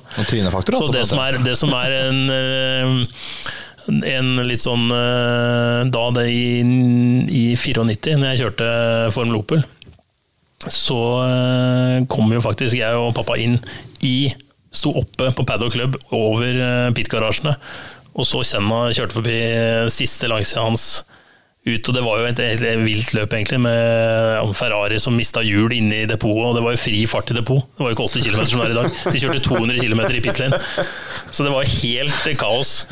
Og dem, eh, ikke sant, så Ferrari fikk ikke på det ene hjulet, så når han kjørte ut eh, fra pit lane i, da, og akselerte maks med en sånn Formel 1-bil, så datt det ene forhjulet, og det skei- skeina jo inn i pitgarasjen til en av de andre teama der. Og, nei, så det var en helg som var eh, ikke så bra for Formel 1-sporten. Jeg syns det er litt skummelt at man skal kjøre i Jeddah. Og så, Ja. og så hører du sånn Ja, man har 200 i pit, ja, han tenker ikke på det. Nei, da tenker jeg tilbake på episoden vår med Wasim, som lurer på om kanskje Hvis det er én ting som Formel 1 og sikkerhet skal tenke på, eller tenke på sikkerhet, det er fartsgrensa pit. Om 80 er for høyt. Ja, altså hvis, man går og, hvis man søker opp pitstop eh, fra 80-90-tallet i Formel 1, hvor ser de kommer inn da? De kommer inn og ut så fort en sånn Formel 1-bil kan gå. Og de som står og jobber i depot der, står jo i shorts og uten noen hjelmer og sånn som de gjør i dag. Så det var liksom ganske andre tider. Man kan jo stoppe, da, altså, eller helst ikke, da. Men man kan jo stå i nærheten av en motorvei. Og se åssen det er når liksom biler passerer der. Så kan du tenke at du skal stå og jobbe med bensinfylling i shorts og T-skjorte og skifte hjul og biler inn og ut. Og Den kommer inn i 200 km og skal stoppe akkurat inn i pitboxen din, liksom. Og klarer han å stoppe, eller stopper han ikke? Men jeg tenker etter eh, Pappa Johs, Verstappen, Hockenheim Var ikke 94? Det var 94. Ja. Så det var jo det. Du var jo der, du, da. Jeg var der. Ja. For det, Da tok jo bilen fyr. Det var vel et slags vendepunkt når det kom til de tingene der, var det ikke det? Jo, det skjedde jo altså Det året var jo vendepunktet for mye sikkerhet, egentlig. Både på banene og på bilene. Så eh, det blei jo gjort veldig store grep. Eh, også for de som jobba i pit lane og sånn. Så, for du hadde da på Imola dette her med dekka som dro av gårde og mista dekk inn i depotet, og så hadde du jo den eksplosjonen på bilen til eh, Verstappen. Så, eh, så etter det og til 95-sesongen så blei det mye sikrere. Og så, det var jo da de begynte å komme disse litt sånn høyere sidene på, ved hodet til føreren. Altså Hvis man ser liksom på bilene fra 93-94, så satt de jo veldig åpent. Hele skulderpartiet og hodet var jo over bilen, egentlig. Det var vel egentlig pga. Senna, det var det Ja. ikke? Med tanke på alt det som han fikk i huet der. Ja. Ja. Men, men hvis man ser på utviklinga på Formel 1 da, i nå siste senere årene, så husker man jo det var kan det ha vært 2009-sesongen, det var Kubica eller noe sånt som ble liksom kjørt over på rattet på Formel 1-bilen, og da kom den derre De heva sidene. Og så var det 2011, tror jeg, hvor det var Mark Webber som mista et hjul i, i pit lane på Hockenheim, som traff en TV-fotograf som sto der. Og etter det så ble det slutt på å ha liksom Hvis man ser en pit lane nå, og man trenger ikke å gå En ting er å gå tilbake til der hvor den kjørte i 200, da, som selvfølgelig er galskap, men hvis du går tilbake bare 2010-2011, så er det masse TV-fotografer i depot som står med ryggen til, og det er Ja. eh, Det har skjedd ganske mye, da. altså Sikkerheten går jo framover hele tida, men det, altså 200 i depot er jo helt sjukt. Men sånn som eh, Wasim sa i episoden vi hadde med han, at eh, 80 km for det meste. Noen baner har vel 60 òg, men Ja. for det meste 80. Mm. Det er ganske fort. Og hvis det, hvis det skjer en stygg ulykke da, på grunn av, og at det, fordi det går i 80, og hadde det gått i 40 eller 60, så hadde det gått bra, tror du da faktisk det vil være med på å senke pit? For det har ikke noe å si, det er likt for alle uansett. Det er likt for alle, og alle vil tape like mye på et depotstopp. Og det er jo som du sier, noen det er vel Monaco og er det et løp til hvor de har 60. Singapore, Singapore kanskje. ja. I hvert fall de stedene hvor det er litt trange depoter eller trange pitlaner. Så um, nei, altså, det er ikke noen grunn for at de ikke skal kjøre i 60 eller i 40 på alle baner. egentlig. Det, alle vil tape like mye på det, og det blir likt for alle, så det spiller jo egentlig ikke så stor rolle. Det blir som rallycross gangførte depot. Gang for, ja. Vi kom vel til slutt der ned. altså, gangfart i det skal jeg like det. Fem kilometer i timen. da kan vi begynne å snakke, snakke teamstrategier. Men var det Bottas da som snurra i depot Nei, eller hvem var det som snurra i depot nå to sesonger siden? Bottas gjorde det her, og Grosja har vel gjort det litt av hvert, så det har Ja. jo skjedd noen ganger. det. Det eneste som er problemet hvis depotsoppene skal ta lengre tid, da, som vi gjør hvis du kjører saktere, vi gjør at da kommer Formel 1 til men så bare finne ut at det da kommer strategien til å aldri lønne seg å gjøre noe annet enn énstoppstrategi. Sånn at eh, da må man kanskje innføre en annen regel også, at man må ha to stopp eller mer. Det hadde vært en fin regel i tilfelle. da. Men så er det litt det vi har, vi har snakka om før. Da. Altså, man skal ta sikkerhet på alvor, men man kan ikke man kan på en måte Det er lett å si at man ikke går for langt på sikkerhet, men man må ikke ødelegge det heller. Altså, det er litt som den, der, den regelen med at eh, du får ikke lov å være for rask i depot. Det er jo, det er jo dritkult. Som du klarer å skifte fire hjul på ett sekund. Kjør på, tenker jeg. Ja, ja. Det er litt som å Ja. Jeg tror nok, altså, ja, og Man ser at de er nede på to og under to, faktisk også. Men det, det, men det er nok en sånn litt sånn Begynner vel å nærme seg en sånn nedre grense, kanskje, for hvor fort For det er jo noe med at eh, jo raskere du skifter, jo høyere blir risikoen kanskje for at det blir en feil også. Enten at man ikke får skrudd fast hjulet ordentlig, eller at man blir stående plutselig fordi at man øh, ikke får av hjulet, eller et eller annet. Da. Så tar det plutselig mye, veldig mye lengre tid. Så jeg tror de, liksom, de jobber seg nok ned mot to sekunder og prøver å liksom få det så jevnt som mulig. Da, nede mot det. Men det er jo helt ekstremt at de skifter fire hjul på, på to sekunder. Det ble jo noen regelendringer der om det var i fjor eller to år siden, men det ser ikke ut som det, om det går så mye tregere for det. Selv om For da var det en slags manuell aktivering for grønt lys, eller eh, var det, forbind, var det etter en pga. Raikkonen-ulykka i Bahrain, eller hva, jeg husker ikke hva som starta den prosessen? Nei, jeg husker ikke, men det blei jo også litt at eh, når de bytta til 18-omshjul, så blei de hjula litt større og tyngre, så det blei vanskeligere å klare det ned mot, eh, eller i hvert fall under to sekunder. Da. Så, men de er jo nede igjen omtrent på de tidene, men nå det, ser man at liksom det jevne er sånn 2,5 sekunder, da har du et bra depotstopp. Det som er Nå nå har vi snakka mye om formelbil. Vi, har snakket, vi var litt innom rally, så havna vi tilbake på asfalten. men, men, det er så mye gøy å snakke om rally og med Thomas. Men hva, har du mer på hjertet? Ja, jeg, om, om, om, racing? Ja. Altså, det er jo litt fram og tilbake, da, men jeg bare hvis, Jeg har lyst til å trekke litt sånn paralleller. Du snakker om um, karriere i USA og sånn. Var det ikke Henrik Furuseth som hadde en sånn liksom klasse ligner litt på, på din? Mulig jeg tar helt feil, men han vant vel Bilsporttalentet? Og så dro han til USA og vant eh, ene året der hvor han fikk kjøre neste år eh, dekt. Og så var det som mange andre, da, at han dessverre gikk tom for penger.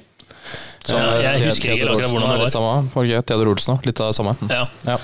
Ja, det, altså det, er jo for mange nordmenn da, at det er tøft med disse pengene som må til. Så, og det har jo vært litt annerledes for det, fra det, Da jeg drev og kjørte Formel, så var det jo mange av de som kjørte Formel som ikke hadde en sponsorplakat på bilen. Ellers hadde de én stor. Så det var liksom, og nedover i dag i Europa og Sør-Amerika og USA og sånn, så er jo interessen mye større. sånn at de hadde gjerne med seg kanskje én stor investor eller en stor sponsor som, som funda hele hele prosjektet. Da. Mens uh, i Norge så var vi jo avhengig av å få med mange små, for det var liksom ingen store som valgte å bli med. Så um, Nei, så det, det, er jo ofte der det har skorta litt for de fleste norske, egentlig. At eh, penga tar slutt. Og Så gikk du til rally, og da er det jo det ultimate spørsmålet, for vi må snakke en del om rally òg. Men rally er det absolutt morsomste jeg har gjort i bilsport. Hvordan stiller du rally versus racing? Nei, altså, det er jo lite som kan matche seg med å kjøre flat out på skauen når noter og kartleser og samspillet fungerer, og du bare danser innover i skauen med, med, en sånn VRC-bil som har 350 hester og firehjulstrekk. Det, ja, det er eh, ekstremt. Eh, men så har du det som er ekstremt gøy på racing-sida, er jo det å ligge i felt og fighte og å jobbe med detaljer, da, som man gjør mye mer i racing. liksom Å finne hundredeler og tiendedeler som du jager hele tida der. Mens i rally så er det jo andre ting. altså Det er jo det du jager der også, men allikevel så er det litt andre ting som er fokuset. Men, men jeg må jo si det å kjøre rally, kjøreopplevelsen i rally er ekstremt morsom. Ja, det piker selv Formel 3000 når det kommer til rein kjøreglede?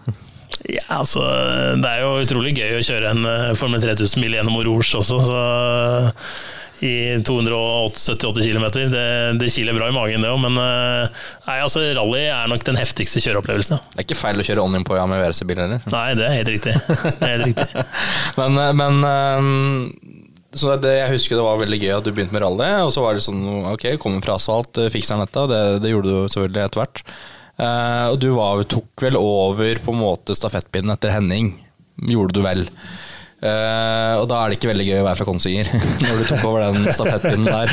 Når du begynner å snakke om at det var i racing du, du, du trente på tideler, holdt jeg på å si. Den fikk ja. du jævlig bra bruk for i rally nå. Ja, det er helt riktig. Uh, vi må jo til Hedmarken 2004. Um, altså, ja, bare hva skjedde, hva skjedde det løpet der? Nei, altså Hele den sesongen var jo, var jo, en morsom sesong, for det var jo en fight mellom, mellom Rune Dalsjø og meg som bytta på å lede NM hele veien.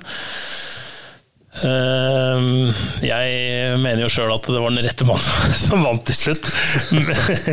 For at NM gikk over seks, eh, over seks helger, og jeg den sesongen brøyt to løp med tekniske problemer og vant de fire andre løpene, så jeg følte at jeg kanskje var raskest eh, når jeg først kom til mål. Men det løpet på, på, Hamar var jo ekstremt, for da skilte vel ett poeng, tror jeg. mener jeg husker, innen når vi gikk inn, Jeg tror Dalsjø leda med ett poeng når vi gikk inn i den siste runden, og det var liksom den av oss som kom først i mål, den ville vinne NM. Og så eh, begynner vi egentlig allerede på morgenen, eh, hvor det skjærer seg litt. Hvor vi skal kjøre bilen ut av hengeren, og så hadde vi jo sånn skaphenger med sånn lokk på, eh, som, da, som sto oppe, som man løfter opp, som står oppe med sånne dempere. Og så eh, av en eller annen grunn, så når vi skal rygge ut bilen, så ryker den demperen på lokket, så den lokket smeller igjen over frontruta på bilen, så ruta knuser. Så det begynner med ganske stress, for da er hele frontruta sprekt. Og vi hadde ikke med oss ekstra rute, så da var det å begynne å ringe og få noen tak i noen. og Da fikk vi tak i en i Oslo. Dette var jo på en lørdag, så det var ingen sånne ruteverksteder som var oppe. egentlig. Da. Men vi fikk jo noen til å dra og hente ut ei rute på et verksted de hadde, og kjøre opp til Hamar med den ruta. Men jeg måtte kjøre de tre første etappene med sprekt frontrute. Så det var litt spesielt også med lav morgensol da, som kom imot den sprekte frontruta. Så det var ikke helt ideelt, men det var ikke noe stort problem. eller Det gikk bra, men det ble litt stressfaktor på morgenen der. Men det starta jo egentlig bra for min del. Jeg tok ledelsen etter tre etapper og leda vel med 14-15 sekunder. Og så eh, var vi ganske like på SS4, men jeg husker. Og SS5 var en lang etappe som, eh, med litt, eh, litt sånn kjerrevei og litt spesiell rallyvei, egentlig. Eller sånn litt mer knotete rallyvei til å være på Hamar, hvor det vanligvis går veldig fort. Hvor jeg får en snikpunktering på høyre forhjul, og Rune kjører ekstremt fort og vinner vel den etappen med 25 sekunder eller noe sånt, tror jeg. Jeg tror jeg bare var nummer fire eller fem. Og så øh, begynner jo da jaget, for det er åtte etapper, og det er tre etapper igjen. og Jeg leda vel med 14-15, og så vinner altså Han hadde en, tror han hadde en 10-12 sekunder på meg da når det var igjen tre etapper. Og så kjører vi veldig likt på SS6. Og så SS7, så, øh, så tenker jeg at nå er det Brisle bære, så da satser vi remmer og tøy. Og, og Dalsjø får en sånn kjapp snurring i tillegg, så jeg tar jo inn ganske mye på den etappen. Tar inn 6-7 sekunder, tror jeg. I hvert fall så står det igjen 5,8 sekunder før da siste etappen. Og um, jeg tenker liksom, hva, hva, gjør vi nå? Det var 14, jeg tror den siste etappen var 14 km, og så ganske mye da skal ta nesten 6 sekunder. Så tenker jeg ok, vi må gjøre hva vi kan, så jeg kasta ut reservehjul og jekk og alt som var løst i bilen for å lette bilen maksimalt. Og så setter vi an på prøven, og da Jeg, kan, jeg tror ikke jeg har kjørt så fort rallybil noen gang som jeg gjorde innpå der. Og da, når vi kommer i mål og har vunnet etappen med 5,9 sekunder og tatt den med ett tiendedel, så var det, det var en deilig følelse.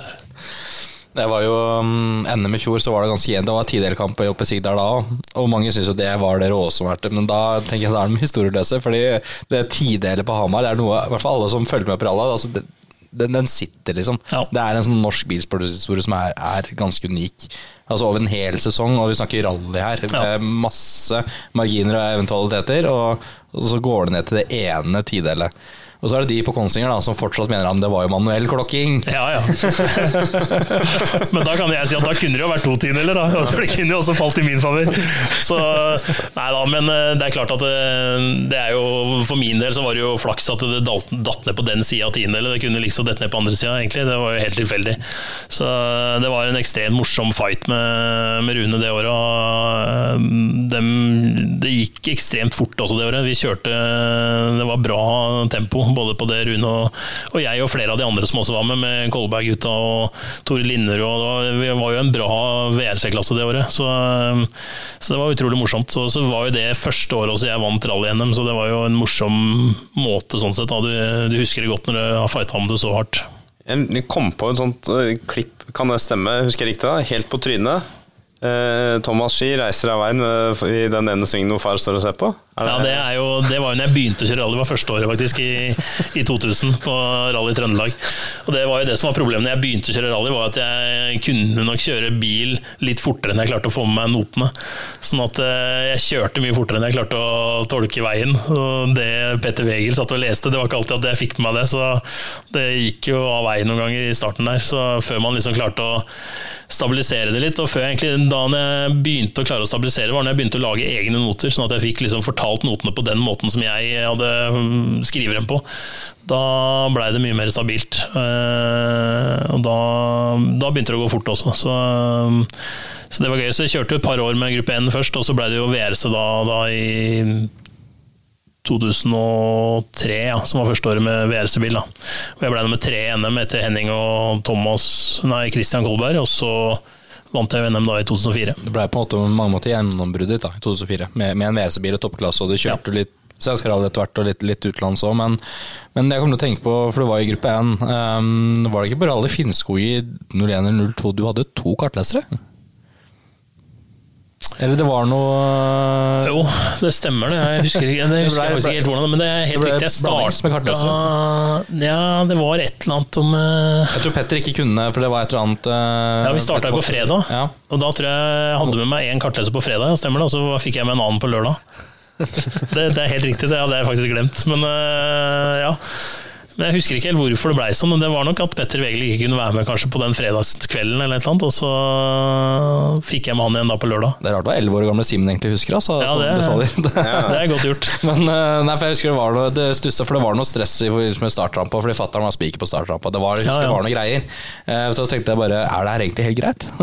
ja, jeg tror det var Eller vi fikk jo det godkjent av løpsledelsen at vi skulle gjøre det, men eh, ja, jeg husker ikke helt hvorfor, eh, hvorfor det blei sånn, faktisk. Men, eh, Når du sier det, så husker jeg at det var sånn. Men alle som har vunnet NM i rally, har jo hatt øh, noen heftige krasjer. Ja. Jeg tar vel ikke helt feil hvis øh, din på Rally Sørland er din Det er nok den heftigste. største rip for å si det sånn. Ja. Det er det, og det var jo det som var kanskje den største ripa i lakken med det, var at det var jo ikke noe tellende løp. Det var jo, det året så var ikke det NM, sånn at det var egentlig bare et treningsløp. Og vi var jo der nede, og da da kjørte jo ikke vi først, vi kjørte litt lenger ute i feltet. Det var nasjonalklassen som starta først. Og da når man eh, med, med forhjulstrekker og bakhjulstrekker, liksom, så kjører man jo gjerne også litt annet spor enn man gjør med en firehjulstrekker. Sånn at um, ja, jeg gikk jo rett og slett for langt ut i den eh, svingen i inngangen, og så var det masse løsgrus der, og kom aldri egentlig inn igjen i svingen. Etter, og det, men det det egentlig bunna grunna i, var at eh, da Dette var jo på SS3, og på SS1 og 2 så syns jeg hadde gått bra. Da. Så jeg hadde hatt bra speed på bilen, og så kommer vi før start på SS3, og så sier Walter Jensen at han eh, ligger bare to og et halvt sekund bak meg. Så syns jeg at det var lite, så nå må jeg ta i litt, tenkte jeg. Og så viser det seg, viser det seg etterpå at han bløffa på tida, så han lå egentlig 40 sekunder bak etter to etapper. Så jeg burde egentlig ha roa ned litt.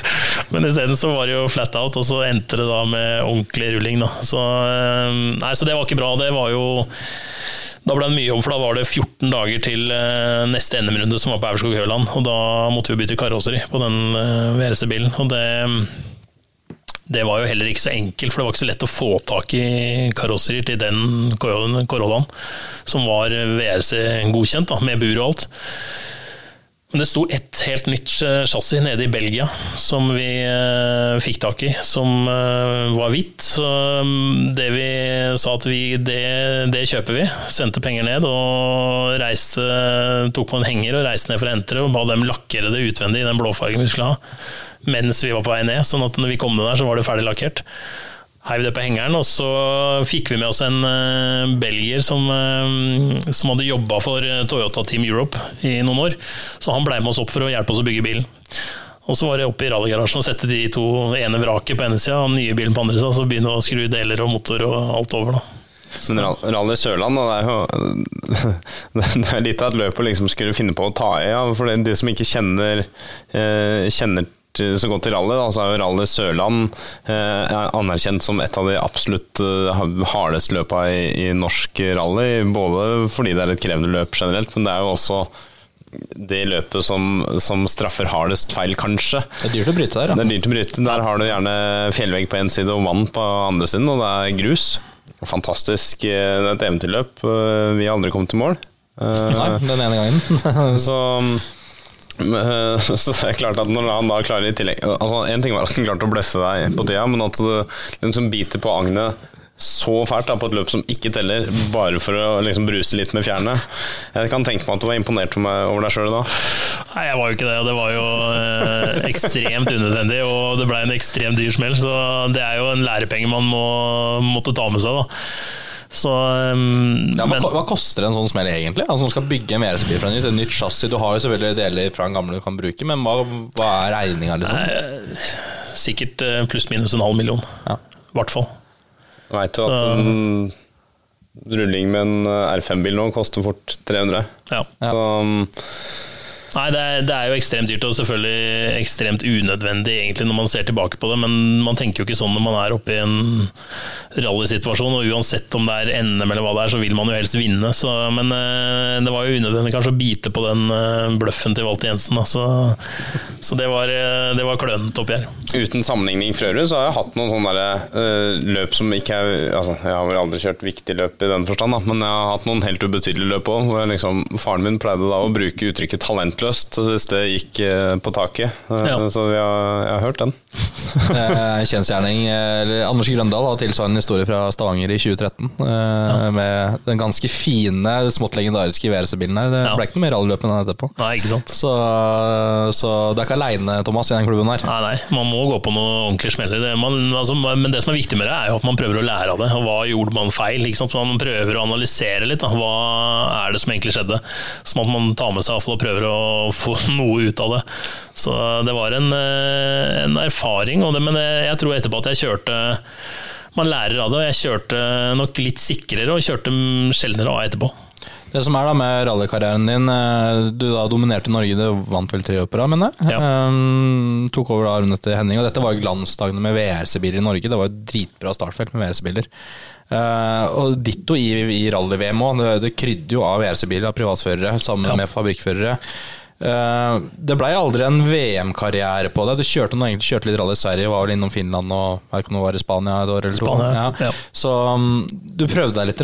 Ja. Uh, det blei vel aldri noe VM-poeng eller noe etappeseier, du var vel aldri der oppe. Men hvor god var du da, når du målte deg mot de beste? Du hadde ja, du hadde ikke nyeste utstyret, men man hadde bra utstyr. Uh, altså, hvor, hvor, god var du sammenligna med Løb og Petter og Grønholm-gjengen?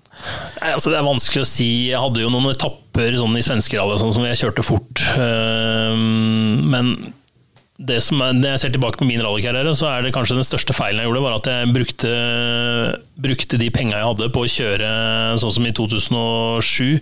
Så kjørte vi fire VM-runder. For da kjøpte en ny VRC-bil òg, gjorde du ikke? Ja, da hadde jeg også da hadde jeg Ford Focus, men det var jo fortsatt en 2003-modell, og vi kjørte jo i 2007. Sånn at den var jo fortsatt gammel, og Ford hadde jo kommet med den nye karosseri som var liksom videreutvikla, og ifølge M-Sport så gikk den 7-8 tiendedel fortere på kilometeren. Og det som var, som jeg gjorde dumt, som, eh, som, Mats og Henning og Mikkelsen og alle disse har gjort etterpå, det var at jeg burde heller brukt istedenfor å bruke penga på å kjøre fire VM-runder, så burde jeg kjørt to. Og så burde jeg tatt penga som det kosta, og putta inn i et VM-team og kjørt for M-Sport eller en av de andre teama og fått en fabrikksbil. Så hadde man fått målt seg på lik linje. For det som er problemet med å kjøre privat VM når du skal kjøre over tre dager, er at du må egentlig skru bilen gjennom løpet og bytte de delene som trengs å byttes når de skal byttes. Og som privatfører så har man for det første har man ikke råd til det, og man har heller kanskje ikke kunnskapen nok til å vite hvem deler som kommer til å ryke når. Og det ender alltid med at man bryter. Så de aller fleste VM-rundene jeg har kjørt, så har jeg brytet på et eller annet tidspunkt. Utenom det siste faktisk rallyet jeg kjørte, som var VM-runden i Spania, hvor jeg ble nummer ti. Så da kom vi i mål på asfalt. Men jeg, lå jo godt an i svenskerally i 2006, tror jeg det var, hvor jeg mm, gikk inn på søndagen som nummer seks. Og Det kunne blitt et bra resultat som beste privatfører, så, men da røyk girkassa på andre etappen på søndagen. Så det er liksom Det er vanskelig å slå gjennom som privatfører med hunder med egen bil og eget team og egen mekanikere. Jeg, jeg burde brukt de penga på kjørt for et fabrikksteam. Og med dagens system da, i 2007 så hadde du faktisk tatt et VM-poeng i Spania. Ja. Ja, det.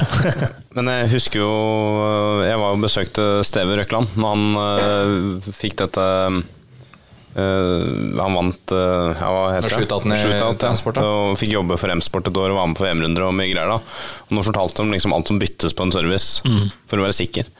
Altså, det er bare Alle bremseskiver må selvfølgelig av, bare for å sjekke at de er ja, det hadde man jo ikke. Masse, masse, alt der, og det må jo koste koste så enormt med penger da, å skulle gjøre det. Så man har jo Det sier seg sjøl, som du sier, at man, man, har ikke de ressursene når man er privatsjåfør. Nei, altså vi som var privatfører, da jeg kjørte med den fokusen, så var en VM-runde i Sverige Det kosta sånn 500 600 000 som privatfører. Og så kosta det en million 1,1 hvis man skulle kjøre for fabrikksteam. Og det var litt sånn forskjellen.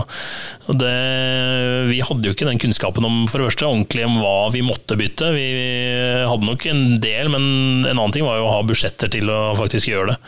Så man kan si at det egentlig så, sett sånn i ettertid, så var de å kjøre VM-runde med privatbil Det var litt sånn bortkasta penger, egentlig. Man burde brukt de penga på noe helt annet og gjort det litt smartere. Bra opplevelser, da, vil jeg tro. Ja, selvfølgelig. Utrolig mye gøy, da. Og det, det er jo ikke Jeg ville jo ikke vært for uten de, uten de VM-rundene, men, øh, men øh, det er jo litt sånn surt, da, når man aldri føler at man kommer i mål og egentlig får kanskje vist potensialet man har, da.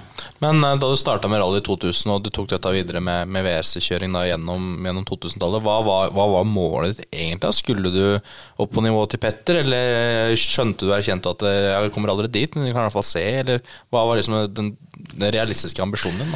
Ja, altså Man hadde jo lyst til å komme ut og kjøre mer, mer VM-runder, og det var jo litt sånn etter jeg hadde vunnet vinne de tre NM-titlene, så var liksom litt sånn feelingen at uh, man har ikke så mye mer å på en måte bevise i Norge. Da. Så man hadde lyst til å komme seg ut og kjøre, men problemet var jo at det var helt andre budsjetter.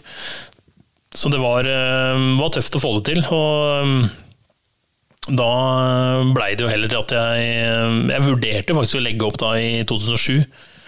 Som var, og Det som var sånn spesielt egentlig på det siste året med, med den rallykarrieren, var at jeg høsten 2006 så hadde jeg jo en skikkelig smell med den fokusen i Finland, hvor, eh, som også var litt sånn tilfeldig. Da. da dro vi jo til Finland og skulle sant, forberede bilen maksimalt, gjøre alt man kan. Uh, siste vi har, er å liksom ha, kjøre setupet på bilen, og så finner han ene mekanikeren at det er en slark, en hjulbolt, på ene styrestaget. Det er når han tar firehjulskontrollen. Og så har vi et nytt styresdag, eller et nytt brukt et, eh, som vi for så vidt hadde kjøpt av M-Sport, som eh, de solgte med som nytt. Eh, hengende på veggen. Så istedenfor å bytte Uniball, så bare bytter han hele styresdaget. Og så går det tre etapper i, i Finland som knekker styresdaget, Knekker ved unibolsen. Og så skjærer jo bare bilen ned i grøfta. Jeg ruller forlengs over en svær stein, og det er skade på bilen til nærmere en million kroner. Så, og da, Det var på høsten 2006, og da brukte vi hele den høsten og vinteren fram jeg fikk igjen bilen to dager før første NM-runden på Mountain Rally for NM-runden i 2007. Og da, da var vi liksom litt på hæla fra starten egentlig. Og det blei tungt å dra den videre, den kostnaden som det hadde vært egentlig med den smellen.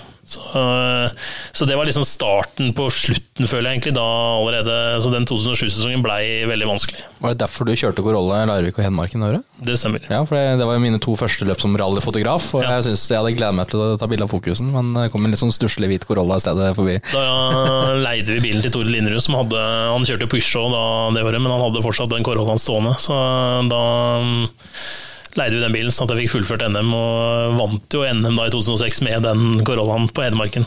Fun fact om en av de, for du har egentlig hatt to Corollaer. Uh, du har snakka litt om chassisbytte og sånn der, men en fun fact er at den ene endte opp på Barbados. Alle steder. Ja, det er den siste, den bilen som var hel. Den ja. endte opp der. Ja. Hvordan var den der? Nei, altså Det var helt tilfeldig. Vi skulle jo selge bilen, og hadde den ute på noen internasjonale sider. Og så ringer han karen fra Barbados og sier at jeg skal kjøpe den. Og så ja, skal du komme og se? Nei, han trengte ikke å se på den. Skulle han ordna, altså bare se, Sett den der og der. Du får beskjed om skal, hvilken container du skal kjøre den inn i. Og så sendte han den bilen da til Barbados med en container. Og vi hørte aldri noe mer, annet enn at han var lykkelig, lykkelig eier av en ny WRC-bil. Det er ganske bra rallymiljø der. På Barbados. ja, ja. Hvor det like stort som jeg vet ikke, Østfold? ja, det, ja. ja. Men um, etter det så, så bar det videre til racing igjen, gjorde det ikke det? Da kjørte jeg, for da blei det jo egentlig litt sånn hva gjør vi? Og så, så la vi egentlig den rallykarrieren og tenkte, var vel egentlig sånn vurderte i hvert fall å gi meg. Og så um, får jeg en telefon fra Niklas Karlsson i Sverige, som uh, har starta et STCC-team med Chevrolet. Lurte på om jeg var interessert i det, og så var jeg over og gjorde en test. Og så blei vi enige om at det skal vi gå for. Så da kjørte jeg STCC igjen i i 2008 og 2009, som ble de to siste åra jeg kjørte. Og da også med grand old man Tommy Rustad. Da, da var det gjenforent igjen. Ja, for da kjørte Tommy Volvo for STCC, så, og det var jo morsomt, da, for det var jo et bra mesterskap også på den tida. Vi kjørte gateløp i Gøteborg og sånn, som var veldig kult. Så eh, det var morsomt å komme tilbake til racingen også. Så, så ja. Men det har vært masse Man har jo opplevd ekstremt mye da når man har vært heldig og fått reise rundt i hele verden og kjøre billøp. Så, så veldig, veldig gøy. Jeg er jo litt opptatt av fordi Vi snakka litt om liksom hva man angrer på i egen karriere og sånn. Men eh, det er lett å glemme egentlig hvor privilegert man har vært, da, som har fått vært på der. Man har hatt opplevelser, og selv jeg på mitt nivå har jo opplevelser som jeg vet at andre ville vært villige til omtrent selge en nyre for å få, få lov til. Så det er lett å glemme å, å ha den takknemligheten. Da. Men når du ser tilbake på egen karriere, er du da fornøyd, eller sitter du fortsatt med en følelse av at det, det blei bare nesten? Ja, altså, ja, det er egentlig litt det. Og det som jeg ser tilbake på som som eh, jeg ser at Dennis, Ol nei, Dennis Hauger nå har gjort mer riktig, det er eh, Vi skyndte oss kanskje litt for fort. Sånn at vi gikk til neste klasse, selv om vi egentlig kanskje ikke hadde helt budsjettet til å faktisk kjøre den klassen over. Uh, som gjorde at man uh, kjører da med alltid litt for lite penger, egentlig. I stedet for å kanskje bli et år til. Litt sånn som Dennis, når han kjørte første år i Formel 4, så hadde de lyst til å gå til Formel 3, men så velger å bli et år til i Formel 4. Og så ser man at det var kjempelurt å gjøre. Ikke sant? Man får den suksessen han gjorde. Samme i Formel 3, hvor han hadde nok en plan om å gå Formel 3 også Formel 2 år etter.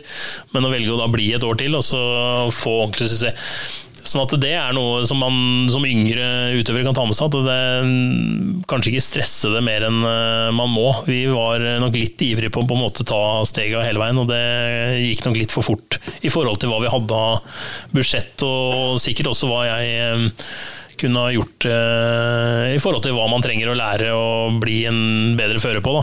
Det, det, året jeg faktisk tok to år i samme klasse, det var jo når jeg kjørte Barber Dodge i 95 og 96, og da ble jeg nummer sju første året, og så ble jeg liksom nummer to og var med og fighta mesterskap andre året. det, det, det, å ha den erfaringa når man går inn i et sånt mesterskap, er, er viktig. Og Det er litt det samme du tenker når du ser på rallyen din nå, at det at du kjørte privat i VM kontra deg der inne. Det, det er litt samme feelinga der òg, eller? Ja, for det er liksom man ser tilbake på, så ser man at eh, de som på en måte har klart å i hvert fall fått vise seg fram. Altså, jeg har jo kjørt mot Henning og jeg har kjørt mot Mats og jeg har kjørt mot alle disse og til tider i hvert fall kjørt eh, like fort og fortere til tider. sånn at eh, jeg tror jeg skulle hatt muligheten til å kunne hevde meg hvis jeg, hvis jeg kunne ha sittet i en fabrikksbil og på en måte andre som kunne tatt seg av det med å serve og holde holde, eller få bilen gjennom løpet. Da. For det er klart Når man driver privatteam, så er man jo på en måte litt sånn teamsjef og fører og skal organisere reiser, og du skal booke hoteller og du skal liksom organisere hele greia. Så det er mye man skal tenke på gjennom en hel helg. Og, og vi, selv om vi var privatteam, så var jo, hadde vi jo med oss en åtte-ti personer som man skal på en måte sørge for kommer seg rundt gjennom hele helga. Så så det hadde vært mer fornuft å bruke de penga som vi hadde, eh, på heller å kjøre litt færre løp og gjort det ordentlig i de få løpa vi kjørte VM. Du snakker om eh, Dennis Haugen. Eh, kan du fortelle litt om hvor involvert du er i, i den satsinga? Vi vet jo, og vi har sett Proffklær-logoen mye med Dennis, men kan du fortelle litt om det? Ja, altså, Jeg har jo fulgt Dennis i mange år, egentlig. Helt siden han var en ti-elleve år. og var jo med til Bahrain da han kjørte VM i gokart der i 2012, tror jeg det var. Eller, ja, jeg lurer på det. Um, og har fulgt den hele veien også. Har jo Dennis vist et, eh, et, talent som vi kanskje ikke har sett i Norge før, gjennom gokartkjøringa si. Og han viste jo hele tida at han er ekstremt rask. Um, så jeg syns det var spennende å prøve å kunne bidra så godt som jeg kunne gjennom uh, å prøve å få vår første nordmann til Formel 1. Eh, så jeg har jo vært i tett dialog med liksom Team Hauger hele veien, og bidratt litt på sponsorsida med at Proffklær er med og sponser, men også en av våre største leverandører, som er Blåkleder, som, eh, som vi har fått med på laget der, som har blitt en betydelig sponsor eh, for Dennis. Og det er jo I Formel 1-sfæren her så har jo du Du er en kjent stemme blitt, ikke sant? Um, du kom jo inn fordi du på et tidspunkt har vært den nærmeste bla, bla, bla, som vi har snakka om. Vi kjørte på neste øverste nivå og alt det her. Så har du også blitt via Place da naturlig um, ekspert på mange måter. Du kommenterte jente mange år. Hoppa litt av, trappa ned litt, og nå er det litt gøy igjen.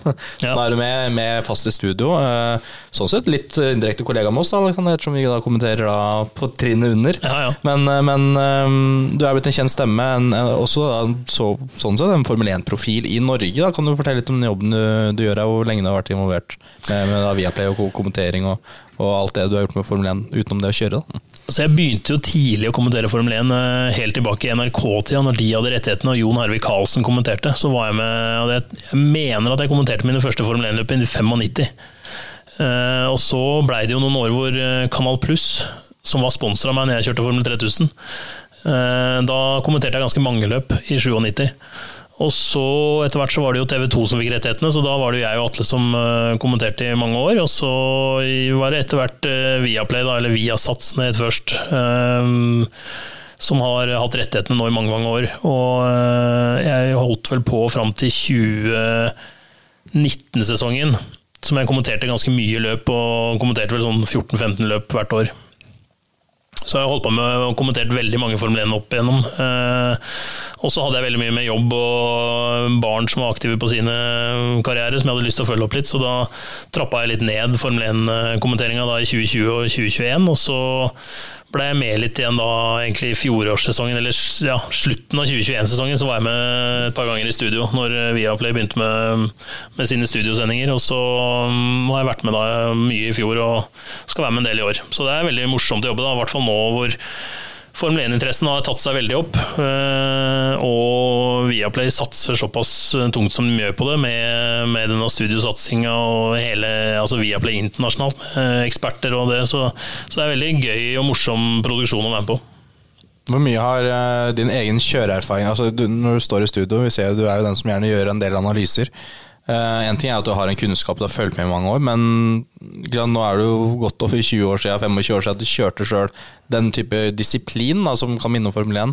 Hvor mye henter du tilbake fra, fra gammel erfaring når du da oser av deg den analysen som du gjør? Nei, men altså, Det er jo masse man husker, og det er jo mye av det samme i dag, selv om selv om sporten har gått videre og det, det, er enda mer avansert enn det det var den gangen, så, så er jo fortsatt uh, banene og mye av tankesettet er jo liksom som, det var den gangen. Så det er mye man kan ta med seg og bruke av den erfaringa man har hatt. Da. Og det å jobbe liksom, gi de timene, jobbe med ingeniører, jobbe med dataanalyse på bilen og sånne ting, det, det er veldig likt i, i, dag som det også var den gangen. Så um, det er mye man kan ta med seg. Er det nå vi må innom Montreal 2011? Jeg bare tenker på, tenkte, Nå må vi finne noen høydepunkter fra Thomas sin, sin eh, kommenteringer opp igjennom. Atle har fortalt mye om Montreal 2011 på lufta, så det er sikkert mange som har hørt om den. Men jeg, jeg har aldri hørt du fortelle om det som En ting er det var ganske sjukt løp, men eh, det var litt andre omstendigheter der òg? Altså det, var jo, ja, det var jo først et sjukt løp og et veldig langt løp. Da, Vi satt og kommenterte, jeg tror vi var eh, over fem timer på direkten. Med regnavbrudd, og det ble rødflagg, og det ble starta om igjen. og Jensen Button, som da var bakerst i feltet på et eller annet tidspunkt. og Jeg tror han hadde fem pitstop før han endte opp med å passere Fettel på siste runde og vinne løpet. Så det var jo et ekstremt løp. Og så var det jo da når vi skulle hjem, så skulle jeg fly hjem på søndag kveld. Og da når vi klarte å sitte og kommenterte i fem og en halv time, så skjønte vi at det begynte å bli dårlig tid for at jeg skulle rekke det fly. Så da, det som skjedde først da, var at vi måtte løpe til parkeringsplassen hvor bilen sto, og hoppe over et piggtrådgjerde, liksom, hvor jeg hekta olabuksa mi fast i det piggtrådgjerdet og revna hele buksa.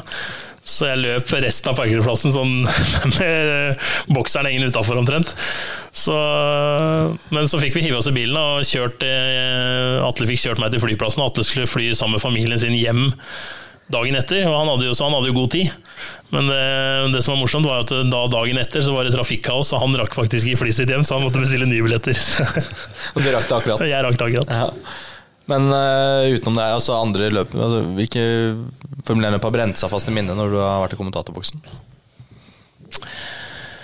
Oi, det var et vanskelig spørsmål. Um, nei, altså Det er jo det løpet som kanskje sitter best, da, for det er jo litt sånn ekstrem opplevelse. Men det er klart man har kommentert det man har kommentert, er jo mye sånn på 2000-tallet med Michael Schumacher som vinner løp i, med altfor stor margin. Så det var mye litt uh, kjedelige løp, og kanskje mange som har fulgt Formel 1-sporten i mange mange år, syns jo selv om det var morsomt å følge Schumacher og hans karriere, så var jo kanskje det den tiden hvor Formel 1 var på sitt kjedeligste, egentlig.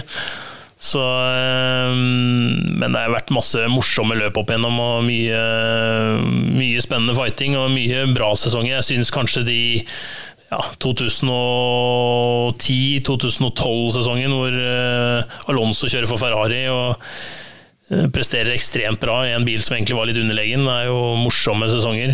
Um, så det har vært mye spennende fighter, og det, Formel 1 er jo det er jo en egen med Formel 1. Det er, det er heftig, og det er ofte action. så får vi håpe at årets sesong også tar seg opp kanskje litt da fra årets eh, åpningsløp. For eventuelt nye Formel 1-serier som av en eller annen grunn har rota seg inn i denne podkasten her, eh, så kan jeg faktisk anbefale på på FN-TV så kan man jo faktisk eh, se gamle sesonger. Og ta en titt på 2010 og 2012-sesongen. 2010 hvor det var fire førere som kunne vinne VM eh, inn i siste løpet. Og det eh, Ja, tenk om vi hadde fått noe sånt igjen. Ja. En ting var at altså 2021 var jo ekstremt på sin måte også, men det var jo eh, det er mye spektakulære historier fra, fra 2010 og 2012 hvor VM også ble avgjort helt, helt på tampen med mye dramatikk. Da. Ja, absolutt. Så det, men det er det som er med Formel 1. at eh, ikke sant, Formel 1-interessen eksploderte jo litt i Norge sånn 2020-2021. da, Og så får jo alle de nye TV-seerne får jo liksom den 2021-sesongen, så de tror at det er sånn Formel 1 er. Men det er jo unntakene. altså Det er jo ikke så mange sesonger som er like spennende som 2021 er. Da må vi kanskje tilbake til 2010 og 2012. da.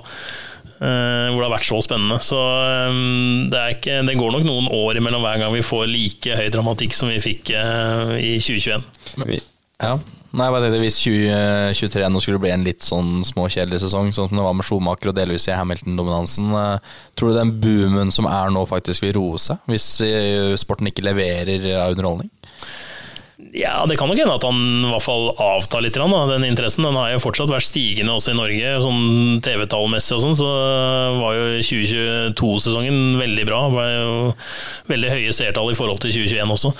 Men det kan godt hende at den avtar litt og flater ut litt av den kurven hvis det blir en kjedelig sesong. Men jeg tror jo at vi skal få en morsom sesong også i år. Så jeg tror både Ferrari og Mercedes kan absolutt slå tilbake, selv om Red Bull dominerte litt det første løpet. Så krysser vi fingrene for at det skal bli litt fighting og litt spennende i år også. Selv om jeg kanskje tror at Verstappen vil vinne til syvende og sist, men eh, vi håper i hvert fall at det kan bli litt spennende på veien. Hvis uh, alt går som vi håper, Dennis Hauger kommer til Formel 1, uh, så vil det jo skje noe med interessen. Men så snakka vi om i stad, Simen, at eh, nordmenn er ekstreme på å være medgangssupportere, egentlig. Og Det merka vi litt uh, første sesongen vi kommenterte Formel 3, hvor det ikke gikk så bra. Så var det liksom Det var veldig lite aktivitet på forumer og sånn etter bare noen få løp. Så var det enormt i året hans andre år. Og så, Det kommer sikkert mange nye serier til Formel 1 hvis, hvis eh, Dennis Hauge kommer til Formel 1. Men tror du de da kommer til å forstå at uh, han ikke sitter i en vinnerbil? Og, eller kommer de da til å tro at Han skal vinne. han skal vinne? Fordi han, hvis han vinner nå i Formel 2, da. Nei, Jeg tror i hvert fall, altså Det kommer helt sikkert til å komme en del nye serier kanskje da, som vil tenke at han bør jo være med å kunne fighte i toppen, men de fleste som har fulgt Formel 1 nå de siste fem-seks åra og sett Drive to Survive og liksom fått litt innblikk i hva det her, eh, hvordan sporten er, da, bygd opp, så har de fleste skjønt etter hvert at man må sitte i en av de tre toppteamene, eller fire nå, da, med Aston Martin som faktisk har kommet opp. Og så tror jeg, sånn som det er nå, regelverket, regelverket som nå øh, skal sette seg noen år, at det kommer til å bli tettere og tettere. Det så vi også i det første løpet, at eh, nå på kvalifiseringen så skilte det under to sekunder mellom hele feltet. Og vi har vel aldri hatt et så tett startfelt noen gang. Sånn at øh, jeg tror selv om man ikke kommer inn en av toppteamene, så kan man liksom være med å fighte der i midtfeltet, og det kommer til å bli gøy å følge Dennis uansett i, i Formel 1. så så får man jo krysse fingrene for at han også gjør det så bra at han vil eh, i tilfelle få en mulighet i en av topptimene etter hvert. Og så kommer også sporten til å forandre seg enda mer nå mot 2026, hvor vi får enda flere fabrikksteam inn. Vi får Audi inn. Eh, Vi har jo allerede ja. og Ford, ikke minst, som skal inn med Red Bull. Og så har du Alpin, som er et uh, fabrikksteam egentlig gjennom Renault. Har du Aston Martin, som satser så tungt som de gjør nå. Så har du jo eh, McLaren, som burde være der oppe, og du har Mercedes og Ferrari. Så det er liksom mange team som kommer til å Det kommer til å bli enda tightere og enda mer spissa, tror jeg. Og det, det er ikke gitt at det blir bare to eller tre team som man kan sitte i for å faktisk vinne. Men tror, tror du folk vil forstå at det, om Dennis i sitt eventuelle første Formel 1-løp blir nummer tolv? Eh, så vil vi sikkert juble, vi, men, men eh, vil mene altså, Vil da de 700 000-800 000 nye seerne som kommer inn og skal se på, tror du de vil forstå det? At det, det kan være bra? For Det er vanskelig å si, da, men eh, det får jo vi som eh, prater om Formel 1 prøve å fortelle, dem da, at det er en bra prestasjon. Må, man skal huske at det er kun 20 stykker som kjører Formel 1 i hele verden, så man er jo ganske heldig hvis man allerede sitter i en av de setene. Så eh, ja, det kommer til å bli en ekstrem uh, hype rundt Formel 1, tror jeg, hvis vi får Dennis opp der i tillegg. En ting jeg kom på nå når du snakker om det her. Uh, Fordi dere som kommenterer Formel 1, får masse skryt i andre idrettspodkaster. Altså de fleste er jo veldig fornøyd med jobben dere gjør. Dere får eh, skryt for god formidlings formidlingsevne. Dere er gode til å rett og slett forklare strategiene og gjøre det folkelig. da, Lett å forstå. Men så har du disse her nettrolla. og du som har vært med så lenge og vært gjennom liksom den, den, verste perioden. Altså, det var jo en periode hvor det ikke gikk an å gå på Facebook etter Formel 1, for det var jo ikke noe annet enn en hets å få. Åssen opplevde du, du den perioden? Nei, jeg, jeg, tar meg egentlig ikke så veldig nær av at noen mener det ene eller det andre. Jeg, jeg har mine meninger om Formel 1 og om sporten, og må kommunisere de, og skal jo på en måte kommunisere mm, sporten ut til menigmann, ikke til de som er die hard-fans, for de leser jo om alt eller, eller, ser det på andre kanaler uansett. Sånn at vi lager jo TV for uh, flest mulig, og da kan man ikke gå altfor dypt i alle analyser og setup og dataanalyser, for da detter en del folk av, eller de aller fleste vil dette, og så er det noen få som blir tilfredsstilt. Men vi kan nok ikke lage TV bare for de få. De, de får tilfredsstilt de behova andre kanaler uansett. Men var, eh, er det var ekstremt for så det var også i hvert fall switchen, Da var jeg litt mer sjøl, og når vi switcha, um, switcha til uh, kun norsk sending, ikke kobla oss vekk fra Sverige, det var høsten 2017, um, da blei det veldig mye bråk en periode.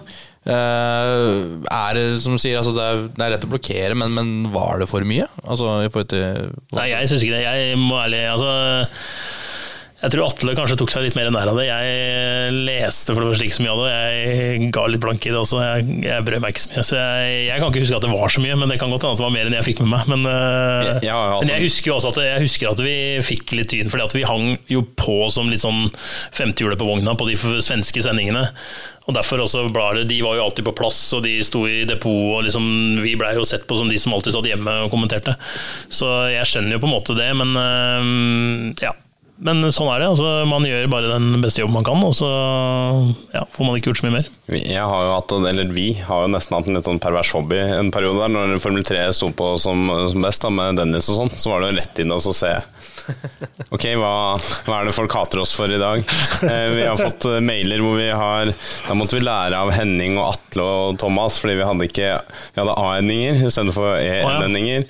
Vi har fått Eh, ja, altså vi har til, man har til og med gått på utseendet, og vi syns jo egentlig altså vi, det, For oss så preller det av, da. Men det er jo nesten sånn Det kan jo være at jeg har vært ekstra oppmerksom på det, da, for jeg syns det, det, er så sykelig å gå inn og se hva folk finner seg til å, å skrive, liksom. Jeg tenker liksom Hvis du hadde møtt meg, møtt meg på gata og stoppa og sagt liksom ja, Der er du, ja, din ja. amatør, liksom. Og, ja. Nei, altså det er litt sånn jeg, jeg, har tenkt litt også at ja, det er alltid noen som skriver noe, men hvis man tenker at her sitter jo titalls tusener og ser på dette, her, og så kanskje det er ti stykker da, som skriver noe inne på noe nettroll, så tenker jeg at de får gjøre det. Og så tipper jeg at de aller fleste syns at man gjør en helt grei jobb. Men åssen er um, du som da har uh, vært involvert da, i, i, i TV-produksjonen av Formel 1 på kanskje kjedeligste tidspunkt ever, og nå morsomste. Hvordan er det å stå i det nå, altså i forhold til respons, tilbakemelding, trøkk fra folk? Hvordan er det i 2023 kontra 2004, da, f.eks.? Det er noe helt annet. For nå, nå, møter man jo, uansett omtrent hvor man møter folk, så er det jo noen som har noen spørsmål eller har interesse for Formel 1. Og man, eh, de har lyst til å komme bort og prate og, Syns at det var morsomt løp eller morsom sesong forrige sesong, eller altså et eller annet om Formel 1, eller har noen spørsmål. og Det er jo veldig hyggelig at folk syns at det er gøy, og at det er blitt en sånn interesse for den sporten som vi alltid har elska alltid har fulgt med. Så når man har fulgt med en sport i 30 år, så, så syns man det er veldig gøy at andre har også oppdaga sporten etter hvert. Men det jeg også tenkt på da, for jeg var jo en av de som datta sjøl òg, når Schumacher begynte å herje for mye. Det var vel i 2002, tror jeg han tok pall i alle løp. Ja. Um, det var også samtidig da Petter begynte å slå gjennom i rallyen. Ja. Og rally begynte å bli folkesporten. Mm. Var det litt skyld av det, at vi trengte ikke Formel 1, for nå hadde vi rally? Var det litt sånn på den tida? Ja, det tror jeg kanskje. Det, rally var jo veldig bra på den tida. og Jeg tror, jeg tror nok de tok litt, i hvert fall i Norge. da.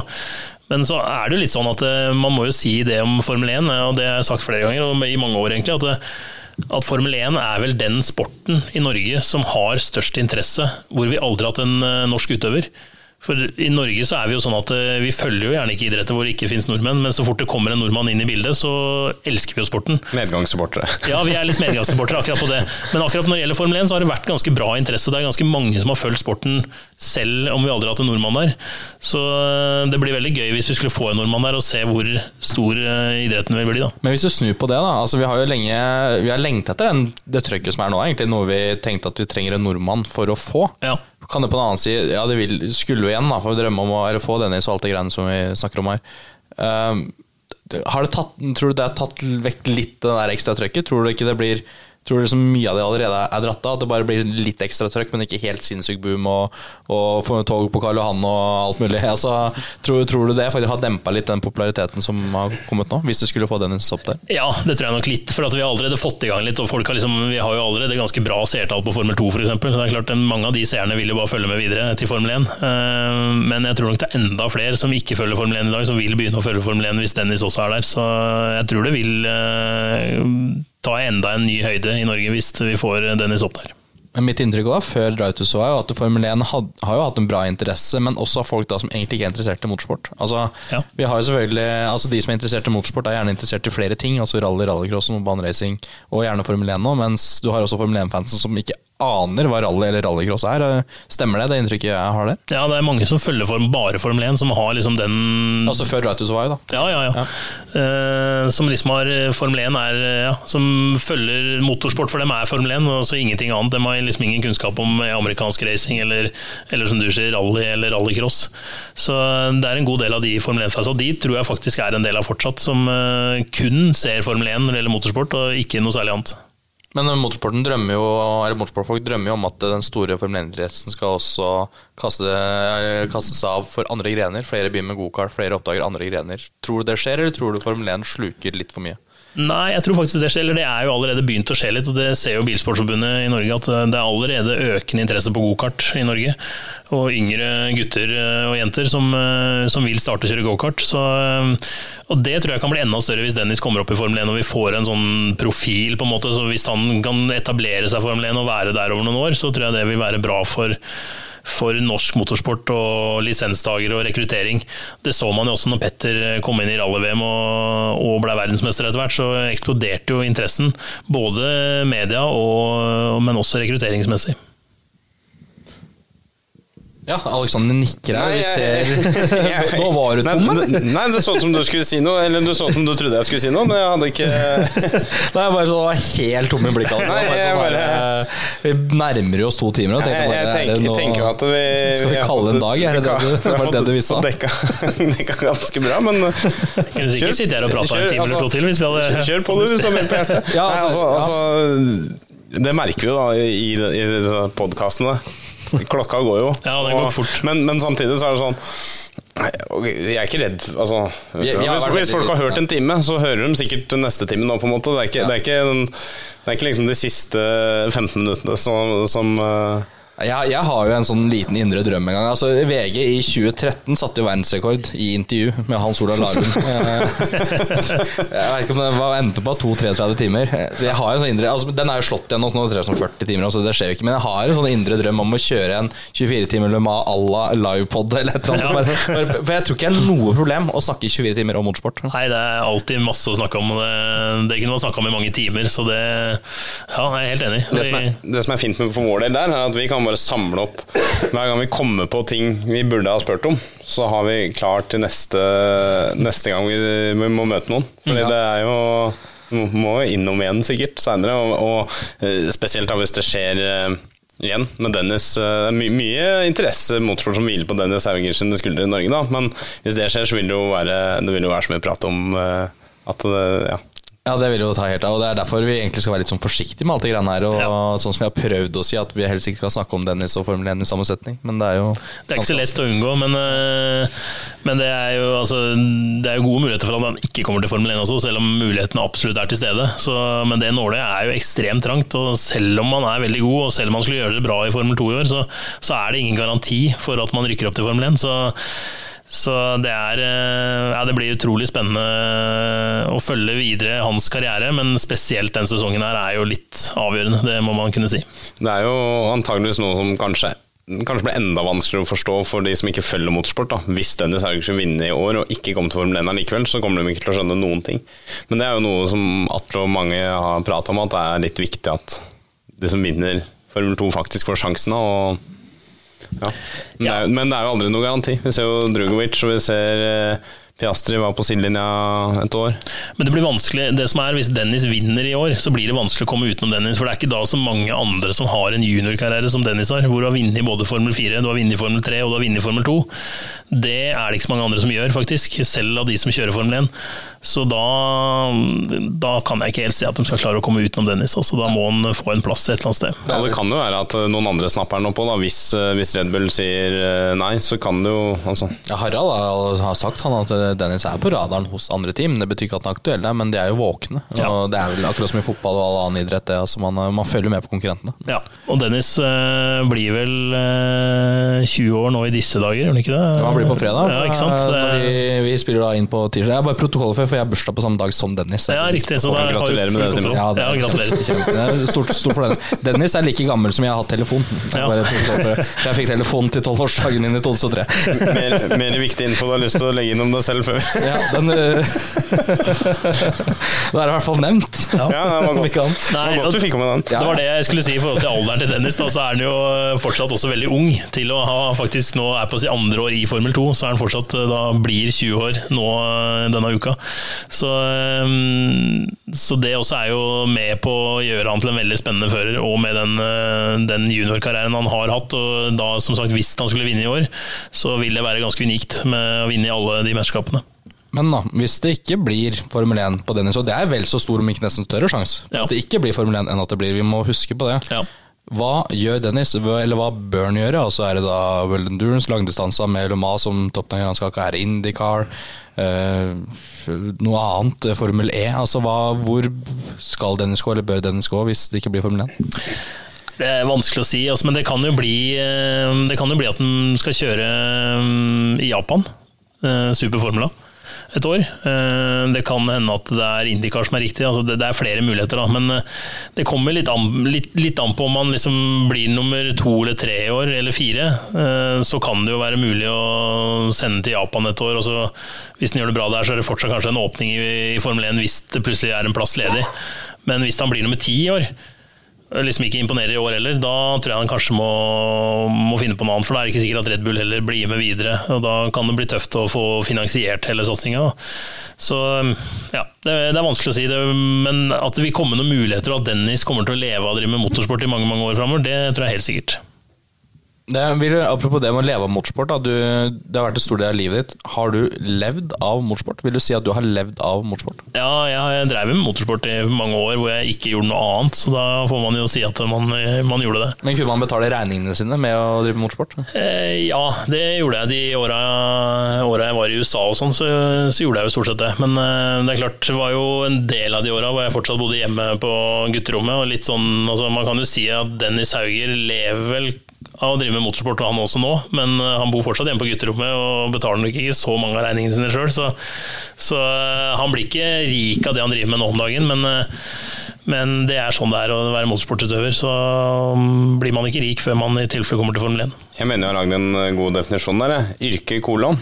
Altså Så lenge du setter, setter det motorsporten etter det, så er det det du driver med, og det du lever av. Enten du lever gjør av eller for, men så lenge det er det som til syvende og sist er det som opptar tida di og er fulltidsjobben din, så er det Ja. jo det som du lever av. da. Ja, Uavhengig om det er en betalfører eller ikke. Altså Om det heter Latif Østrollo, yrke kolon, Formel 1-fører. Ikke Latif nå lenger, da, men eh, var i hvert fall.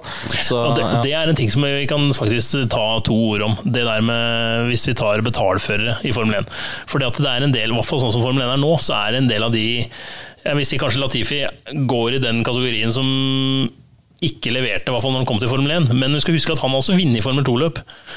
Og eh, Lance Stroll, som vi kommer til å se være å plukke ganske jevnt og bra med poeng i år, er en fører. Og det som er problemet med, for Lance Stroll, er å ha en far som heter Lawrence Stroll. For han ville aldri, uansett hvor god han hadde vært, så ville han aldri blitt plukka opp av Red Bull eller Ferrari Junior Academy eller Mercedes, fordi at de teamene vet at pappa kan jo betale. Så uansett hvor god han hadde vært, så hadde han aldri blitt en juniorfører. Så han måtte tatt den veien å være pappa eller betalfører uansett, fordi at faren er en av verdens rikeste. Så det skal man også ha i bakhodet, at han er en han har vunnet Formel 3, og han er en god fører. Eh, og for, har litt fått et litt sånn ufortjent rykte, kanskje. Og jeg tror at i år så kommer vi til å bli litt overraska over eh, de resultatene han kommer til å levere. Men det du nevner der, hva med da eh, pappa Norris? Lando Norris? Ja, Norris var tross alt en McLaren junior, han ble plukka opp der. Men det er jo kjent sak at uh, han, han kjøper ikke First Price, han får den til uh, Norris heller. Nei da, og det kan nok hende at noen vil bli plukka opp, men jeg tror ikke han er like rik som, som pappa Stroll. Så det er nok en forskjell der, og det, man kan si også at han har til smør på maten, Tom Hauger også. sånn at han hadde ikke vært helt avhengig av å kjøre med, med Red Bull på bilen, men, øh, men, sånn er det. at Det er verre når du kommer fra en veldig rik familie, hvor de ser at øh, ok, her er det, hvorfor skal vi betale, når det er fullt mulig at pappa betaler hele karrieren. Jeg har jo egentlig ment at i år er første året på lenge hvor vi ikke har noen betalførere, ja. i den forstand hvor vi føler at de kanskje ikke får tjent plassen. Så, så kan man selvfølgelig diskutere om kanskje noen andre burde fått plassen foran Logan Sargent, eller noe sånt, men alle disse her er jo førere som har levert. Da. Mm. Og fordi Før så var det liksom betalførere typ ja, eh, Maldonado klarte faktisk eh, å vinne et løp, da, men du har, jo, du, har jo, mange grelle eksempler på betalførere. Da. Um, og Tilbake på 90-tallet var det kanskje enda verre, for da var det en del sånn litt rike mennesker som kjørte sjøl, som uh, rett og slett uh, gentleman drivers, som faktisk kom og kjørte noen, hadde, tok noen av plassene i Formel 1. Det sjukeste eksempelet er vel pappa Nissan i Ungarn i et eller annet år her. Ja. Uh, Riktignok bare trening, da. Ja, men, men ikke sant, sånn som Nå husker jeg ikke navnet på han, men han inderen som kjørte Formel 2. han Ragunatan? Ja, Ragunatan, ja. ja. Altså, sikkert flink han til å kjøre bil. Men det er liksom snakk om å være dårlig Formel 2-fører, liksom. Du så at ja. ingeniørene sto og lo han da, på, på, TV, liksom. Ja. Så, så, vi er jo litt ferdig med det. Ja. Uh, og det er jo er, er veldig bra. Altså, man kommer ikke til toppen uh, i motorsport uten penger. Uansett, så hva er en betalfører? Hvis ja, er det eh, Sergio Perez? Ja, det var på en måte han som betalte, men sponsorene fikk jo sine merker på bilen. Telmex er vel der. Eh, Santander med Alonso? Santander med Alonso. Du har eh, Mercedes med Schumacher. Ja, ikke sant. Ikke sant? Det, er, det, er, så mye altså, hvem som betaler, så jeg tenker jo Det betalførerbegrepet Det er viktig at man på en måte ikke vanner det helt ut eh, heller, for Lance Stroll har jo tross alt en pole position i regnvær. Ja, ja. Han har, eh, han har noen pallplasser. pallplasser han, liksom, han, har, han ble nummer seks nå i helga, eller forrige helg, hvor eh, han kjørte med knekte håndledd. Altså, mm. Begge håndledda var knekt eh, 14 dager før, så eh, jeg syns han gjorde en god prestasjon. Og Det er derfor jeg sier Jeg har sagt egentlig, jeg sa det før sesongen, og Atle kanskje lo litt av meg, men jeg sa at jeg tror at han kommer til å overraske litt i år, og kanskje er den føreren vi blir mest overraska gjennom sesongen i år. Men det tror jeg, tror jeg du kan ha rett i, og han er vel han, må, han, er vel kanskje den minst populære føreren på griden blant fansen, og sånn, nettopp pga. at uh, faren er i teamet. Ja. Men jeg tror jo at uh, Og det tror jeg faktisk vi kommer til å se. Ser, tenk på en sånn superskurk hver gang du ser Lawrence Stroll. Jeg tror at hvis han mener alvor med det teamet, så kommer han også til å si, uh, litt som Malcolm Wilson gjorde det til sønnen sin i sin tid Det her funker ikke, du er ikke god nok, du leverer ikke det vi skal, vi må få en annen fører. Og det tror jeg faktisk Lawrence Stroll kommer til å gjøre. Og da kommer det kanskje også til å bevise at det var ikke bare penga som, som, gjorde at Lance kjørte man, så lenge. Om han ikke var så dugelig i 2017 da han kom inn, så har han i hvert fall gjort seg fortjent. Da kan vi jo si, altså Han har klart å bygge erfaring, og det er begge grenser hvor dårlig du kan bli til å kjøre bil når du får den muligheten som han har hatt. Og da da har han, han skårer jo poeng, han er jo ikke bakerst Nei. Eh, på noen som helst måte. Og, um, du har jo andre, du, har jo, du nevnte Perez som kom inn i Formel 1. Han hadde heller ikke noen, han hadde en ganske lite imponerende juniorkarriere, men han har jo blitt en veldig habil, god uh, Formel 1-fører. Er nok en fører som aldri kommer til å vinne en VM-tittel, og det gjør kanskje ikke Lance Stroll heller. Eller mest sannsynlig ikke, men eh, jeg tror at han kan bli en habil, god andrefører til en god førstefører i også Martin i en del år framover. Han kan jo forlate Formel 1 med hodet heva, da, enn så lenge i hvert fall. Ja. Det kan ikke Sergej Sirotkin og sånn, f.eks. Nei, ikke sant, nei, nei, ikke sant, da har du det grelle, grelle eksempelet av Sirotkin. Og, og, Latifi var jo åpenbart ikke god nok, han heller. Selv om han hadde noen få bra resultater. Det var ikke det var ikke katastrofe, men ikke det var ikke der det, det skal være da, som en Formel 1-fører. Men de, den, den, praten trenger man nesten ikke å ha i år.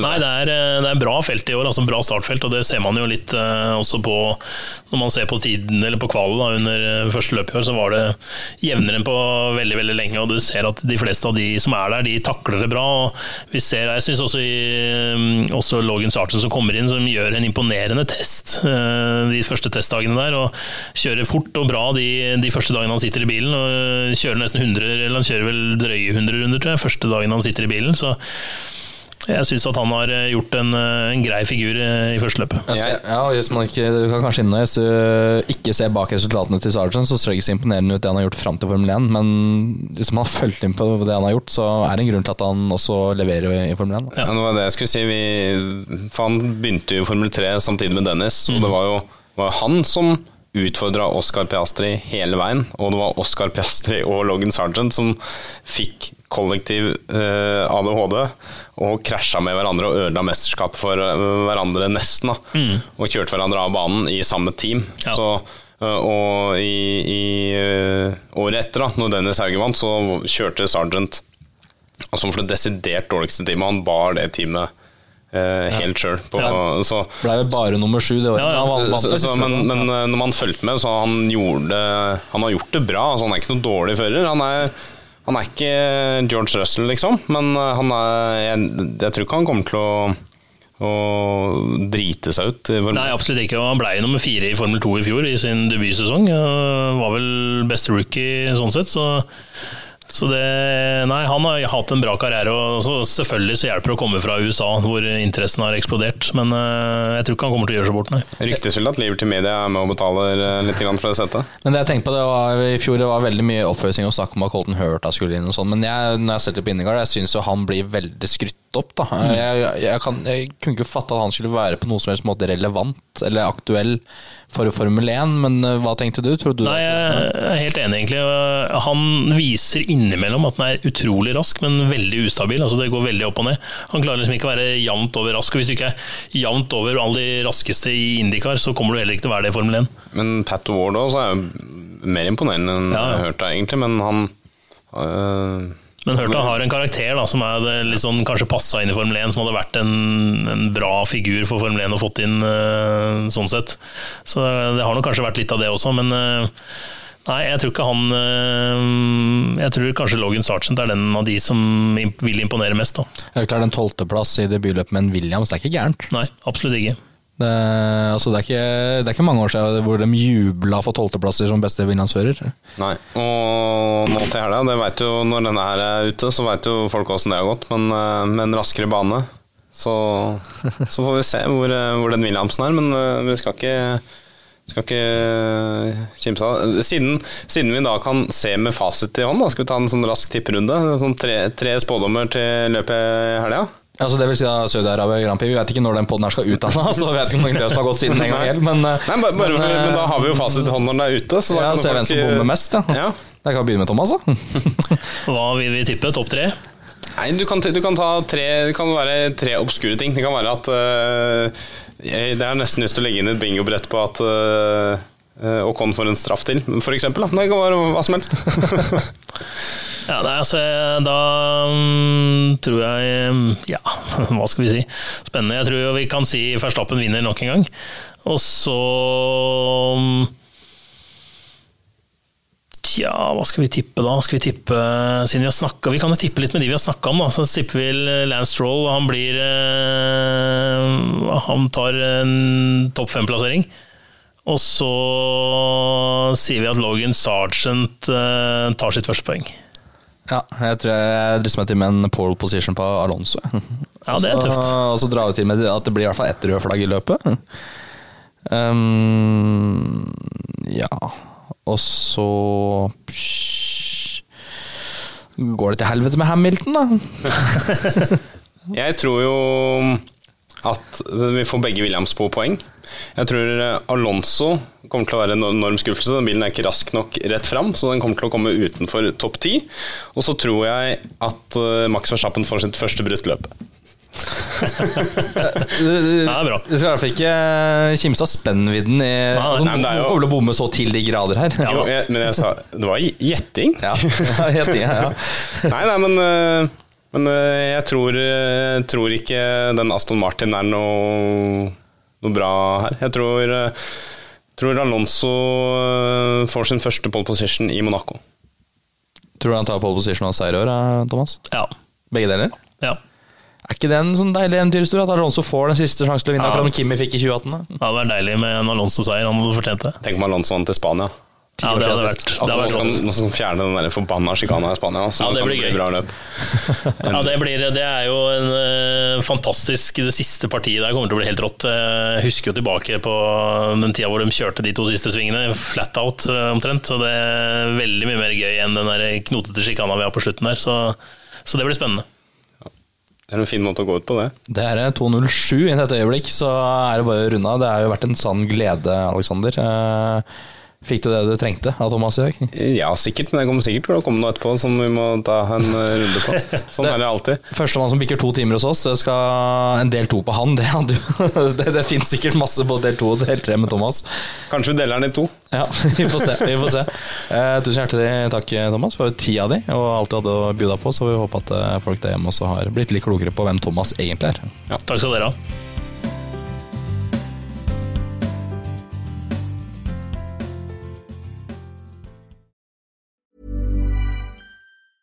Hey, it's Paige DeSorbo from Giggly Squad. High quality fashion without the price tag. Say hello to Quince. I'm snagging high-end essentials like cozy cashmere sweaters, sleek leather jackets, fine jewelry, and so much more. With Quince being 50 to 80% less than similar brands. And they partner with factories that prioritize safe, ethical, and responsible manufacturing. I love that. Luxury quality within reach. Go to quince.com slash style to get free shipping and 365 day returns on your next order. Quince.com slash style. Mom deserves the best, and there's no better place to shop for Mother's Day than Whole Foods Market. They're your destination for unbeatable savings, from premium gifts to show-stopping flowers and irresistible desserts. Start by saving 33% with Prime on all body care and candles. Then get a 15-stem bunch of tulips for just $9.99 each with Prime. Round out Mom's menu with festive rosé, irresistible berry chantilly cake, and more special treats. Come celebrate Mother's Day at Whole Foods Market. When you make decisions for your company, you look for the no brainers. If you have a lot of mailing to do, stamps.com is the ultimate no brainer. Use the stamps.com mobile app to mail everything you need to keep your business running with up to 89% off USPS and UPS. Make the same no brainer decision as over 1 million other businesses with stamps.com. Use code PROGRAM for a special offer. That's stamps.com code PROGRAM.